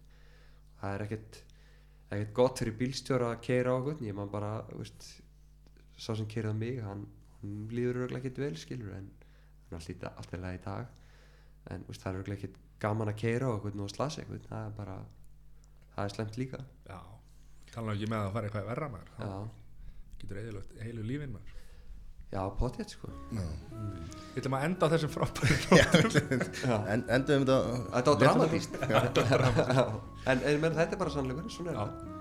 þetta. Þau bara kellaði fyrir komuna og frábært spjall það er ekki, takk svo mjög hérna, vegnaði vel í, í baráttunum við að fá að fara út að hjóla á Herri, kvöldi já, pössum okkur þannig sko. en, en hérna ég, ég, ég ætla að reyna að halda áfram að hjóla og ég gerir á fyrir að ég verði áfram í þessu eitthvað. Takk fyrir okkur. Takk fyrir okkur. Takk takk